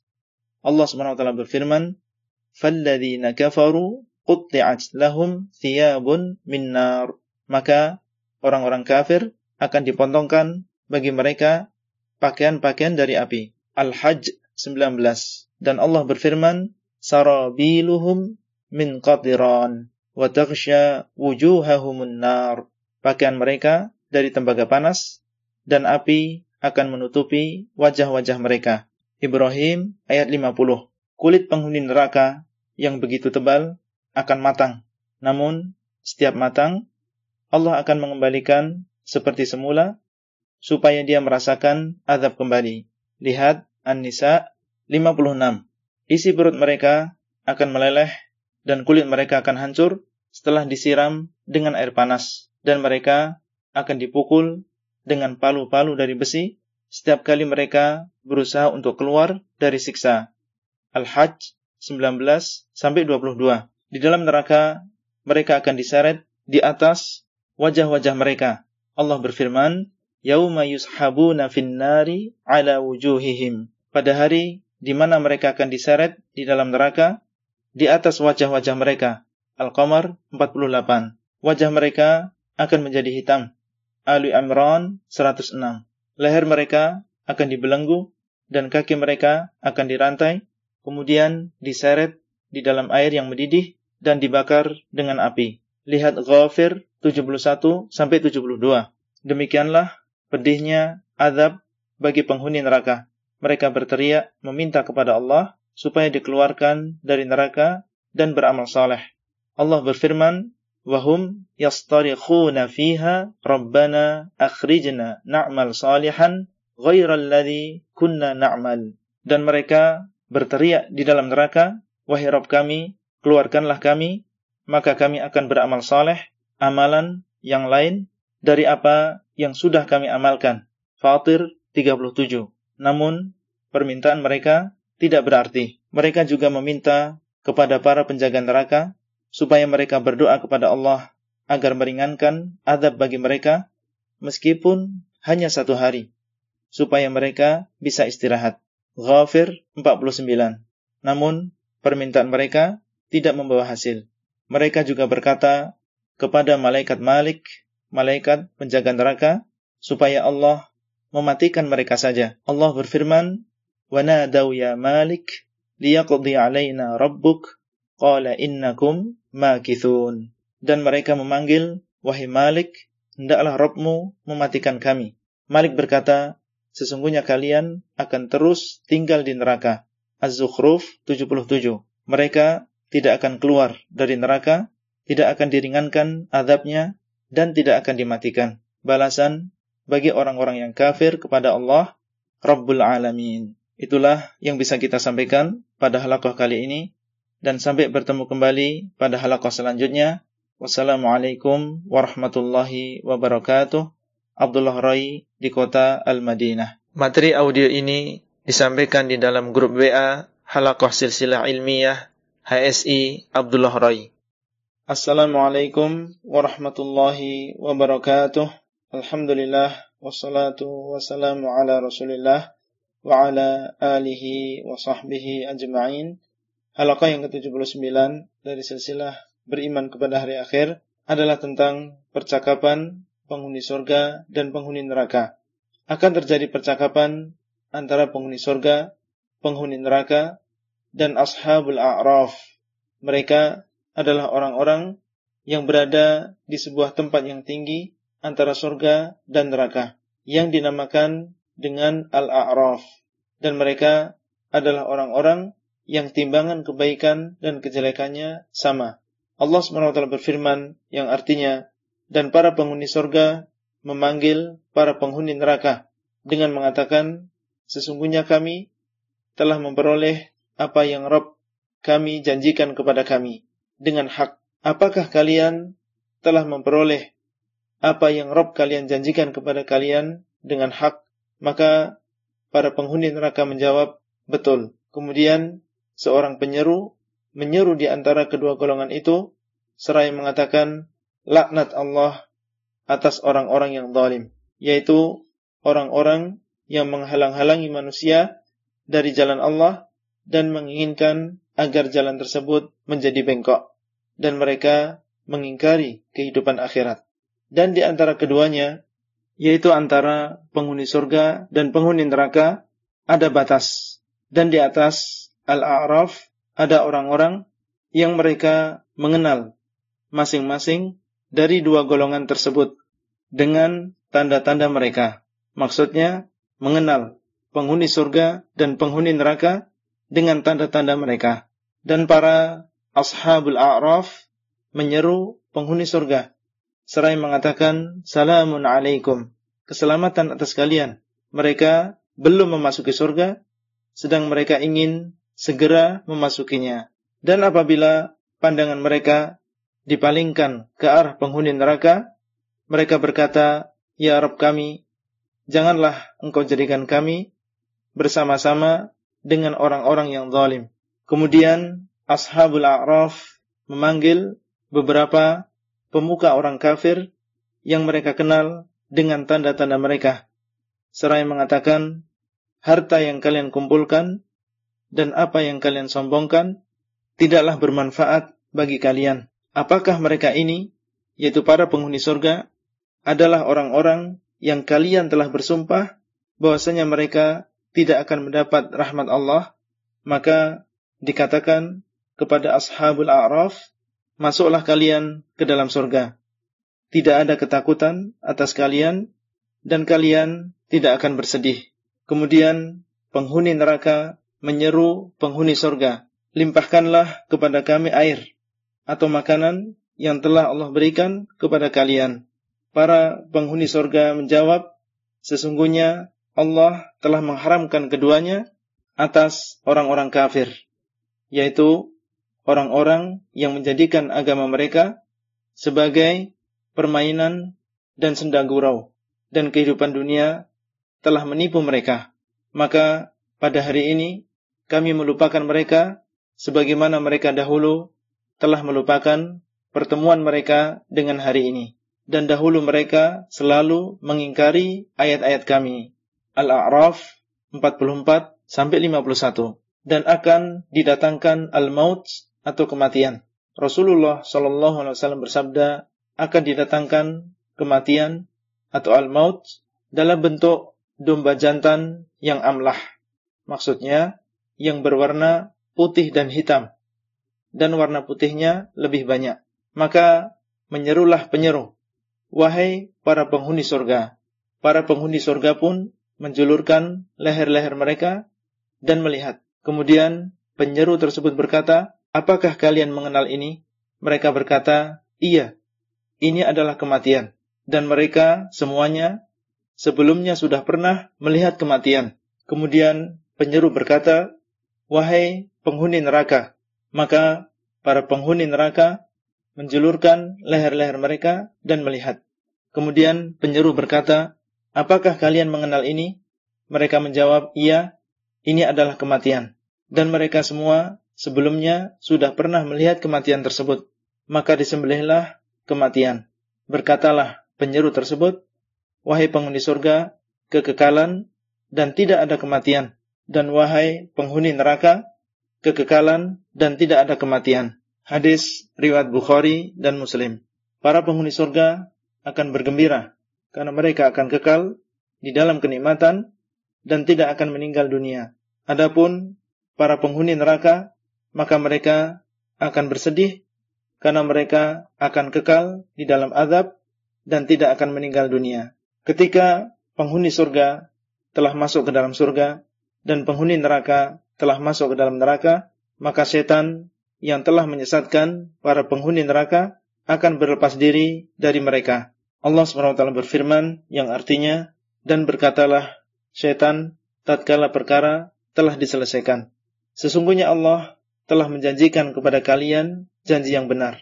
Dan aku telah menjanjikan kepada kalian, akan tetapi aku menyalahinya. Sekali-kali aku tidak memiliki kekuasaan atas kalian, melainkan sekedar aku mengajak kalian, lalu kalian mematuhi seruanku. Oleh sebab itu, janganlah kalian mencelaku, akan tetapi celalah diri kalian sendiri. Aku sekali-kali tidak dapat menolong kalian, dan kalian pun sekali-kali tidak dapat menolongku. Sesungguhnya aku mengingkari perbuatan kalian ketika sebelumnya kalian mempersekutukan aku dengan Allah. Sesungguhnya orang-orang yang zalim akan mendapat siksaan yang pedih. Ibrahim 22. Demikianlah akhir yang buruk bagi setan dan para pengikut mereka, mereka akan kekal di dalam neraka selama-lamanya dan demikianlah akhir yang baik bagi orang-orang yang bertakwa, mereka akan kekal selama-lamanya di dalam surga. Itulah yang bisa kita sampaikan pada halakoh kali ini dan sampai bertemu kembali pada halakoh selanjutnya. Wassalamualaikum warahmatullahi wabarakatuh. Abdullah Rai di kota Al-Madinah. Materi audio ini disampaikan di dalam grup WA Halakoh Silsilah Ilmiah HSI Abdullah Rai. Assalamualaikum warahmatullahi wabarakatuh. Alhamdulillah wassalatu wassalamu ala Rasulillah wa ala alihi wa sahbihi ajma'in. Halakoh yang ke-80 dari silsilah beriman kepada hari akhir adalah tentang manfaat mempelajari iman kepada hari akhir. Beriman kepada hari akhir memiliki manfaat yang banyak dan pengaruh yang baik bagi seorang muslim. Di antaranya yang pertama, mengingatkan seorang muslim bahwa dunia hanyalah sebentar dan bahwasanya hari kiamat dan hisab mereka sudah dekat. Allah SWT berfirman, "Iqtaraba lin-nasi hisabuhum wa hum fi ghaflatin mu'ridun." Telah dekat bagi manusia hisab mereka sedang mereka dalam kelalaian berpaling. Al-Anbiya ayat yang pertama. Yang kedua, mengingatkan seorang muslim supaya tidak tertipu dengan kenikmatan dunia dan kenikmatan yang Allah berikan kepada orang-orang kafir di dunia. Allah SWT berfirman, لا يغرنك تقلب الذين كفروا في البلاد متاع قليل ثم مأواهم جهنم وبئس المهاد Janganlah sekali-kali kamu tertipu dengan kegiatan orang-orang kafir di negeri-negeri. Kesenangan yang sedikit, kemudian tempat kembali mereka adalah jahanam. Dan jahanam adalah sejelek-jelek alas. Ali Imran 196 sampai 197. Ketiga, mengingatkan seorang muslim bahwa kesuksesan yang sebenarnya adalah kesuksesan di akhirat. Allah SWT berfirman, "Faman zuhziha 'anil nar wa udkhilal jannata faqad faz." Wa mal hayatud dunya illa mata'ul ghurur. Barang siapa yang dijauhkan dari neraka dan dimasukkan ke dalam surga, maka sungguh dia telah beruntung dan tidaklah kehidupan dunia kecuali kesenangan yang menipu. Ali Imran 185. Yang keempat, mengingatkan seorang muslim bahwa kehinaan dan kerugian yang sebenarnya adalah apabila seseorang masuk ke dalam neraka. Allah berfirman menceritakan ucapan orang-orang yang beriman, Rabbana innaka man tudkhilin nara faqad akhzaitah wa ma lidzalimina min ansar. Wahai Rabb kami, sesungguhnya barang siapa yang engkau masukkan ke dalam neraka, maka sungguh engkau telah menghinakannya dan tidak ada penolong bagi orang-orang yang zalim. Ali Imran 192. Yang kelima, menguatkan kesabaran seorang muslim di dalam menghadapi musibah-musibah dunia yang menimpanya. Dia menyadari bahwasanya dirinya dan apa yang dia miliki adalah milik Allah dan akan kembali kepada Allah. Yang keenam, beriman kepada hari akhir, mendidik seorang muslim supaya senantiasa ikhlas dalam beramal karena dia menyadari bahwasanya amalannya ikhlaslah yang akan bermanfaat di hari kiamat. Yang ketujuh, mengingatkan seorang muslim tentang pentingnya bersegera dalam bertobat dan beristighfar dari dosa. Karena dosa adalah sebab semua bencana di akhirat. Yang kedelapan, beriman kepada hari akhir, mengingatkan seorang muslim untuk senantiasa bersabar di atas ketaatan kepada Allah dan bersabar dalam menjauhi kemaksiatan. Dan semua itu jauh lebih ringan daripada adab di akhirat. Yang kesembilan, mengingatkan seorang muslim akan besarnya nikmat Islam dan iman yang Allah berikan kepadanya. Karena dengan sebab itulah Allah Subhanahu wa taala akan memberikan kebahagiaan kepadanya di dunia dan di akhirat. Yang kesepuluh, mengingatkan seorang muslim akan bahayanya kekafiran, kesyirikan, dan kemunafikan, di mana ketiganya adalah penyebab kekekalan di dalam neraka. Yang kesebelas, beriman kepada hari akhir akan mendorong seorang muslim untuk semangat berdakwah di jalan Allah, mengajak saudara seislam untuk berpegang teguh dengan agamanya dan mengajak orang kafir untuk masuk Islam supaya terhindar dari azab yang kekal. Yang kedua belas, beriman kepada hari akhir, mengingatkan kita tentang pentingnya berdoa kepada Allah, meminta kebahagiaan akhirat. Di antara doa di dalam Al-Quran adalah Rabbana atina fid dunya hasanah wa fil akhirati hasanah wa qina adzaban nar. Wahai Rabb kami, berikanlah kepada kami kebaikan di dunia dan kebaikan di akhirat dan jagalah kami dari azab neraka. Al-Baqarah 201. Rasulullah sallallahu alaihi wasallam pernah berdoa, Allahumma inni as'alukal jannata wa ma qarraba ilaiha min qawlin aw amal wa a'udzu bika minan nari wa ma qarraba ilaiha min qaulin aw amal. Ya Allah, aku meminta kepadamu surga dan apa yang mendekatkan kepada surga, baik ucapan ataupun perbuatan. Dan aku berlindung kepadamu dari neraka dan apa yang mendekatkan kepada neraka, baik ucapan ataupun perbuatan. Hadis sahih riwayat Ibnu Majah. Akhirnya kita berdoa kepada Allah, semoga Allah SWT menetapkan hati kita di atas agamanya, mengumpulkan kita semua di dalam surga, dan menjaga kita semua dari api neraka. Dan sampai bertemu kembali pada silsilah yang lain. Wa akhiru da'wana anilhamdulillahi rabbil alamin. Wassalamualaikum warahmatullahi wabarakatuh. Abdullah Rai di kota Al-Madinah. Materi audio ini disampaikan di dalam grup WA Halakoh Silsilah Ilmiah HSI Abdullah Rai.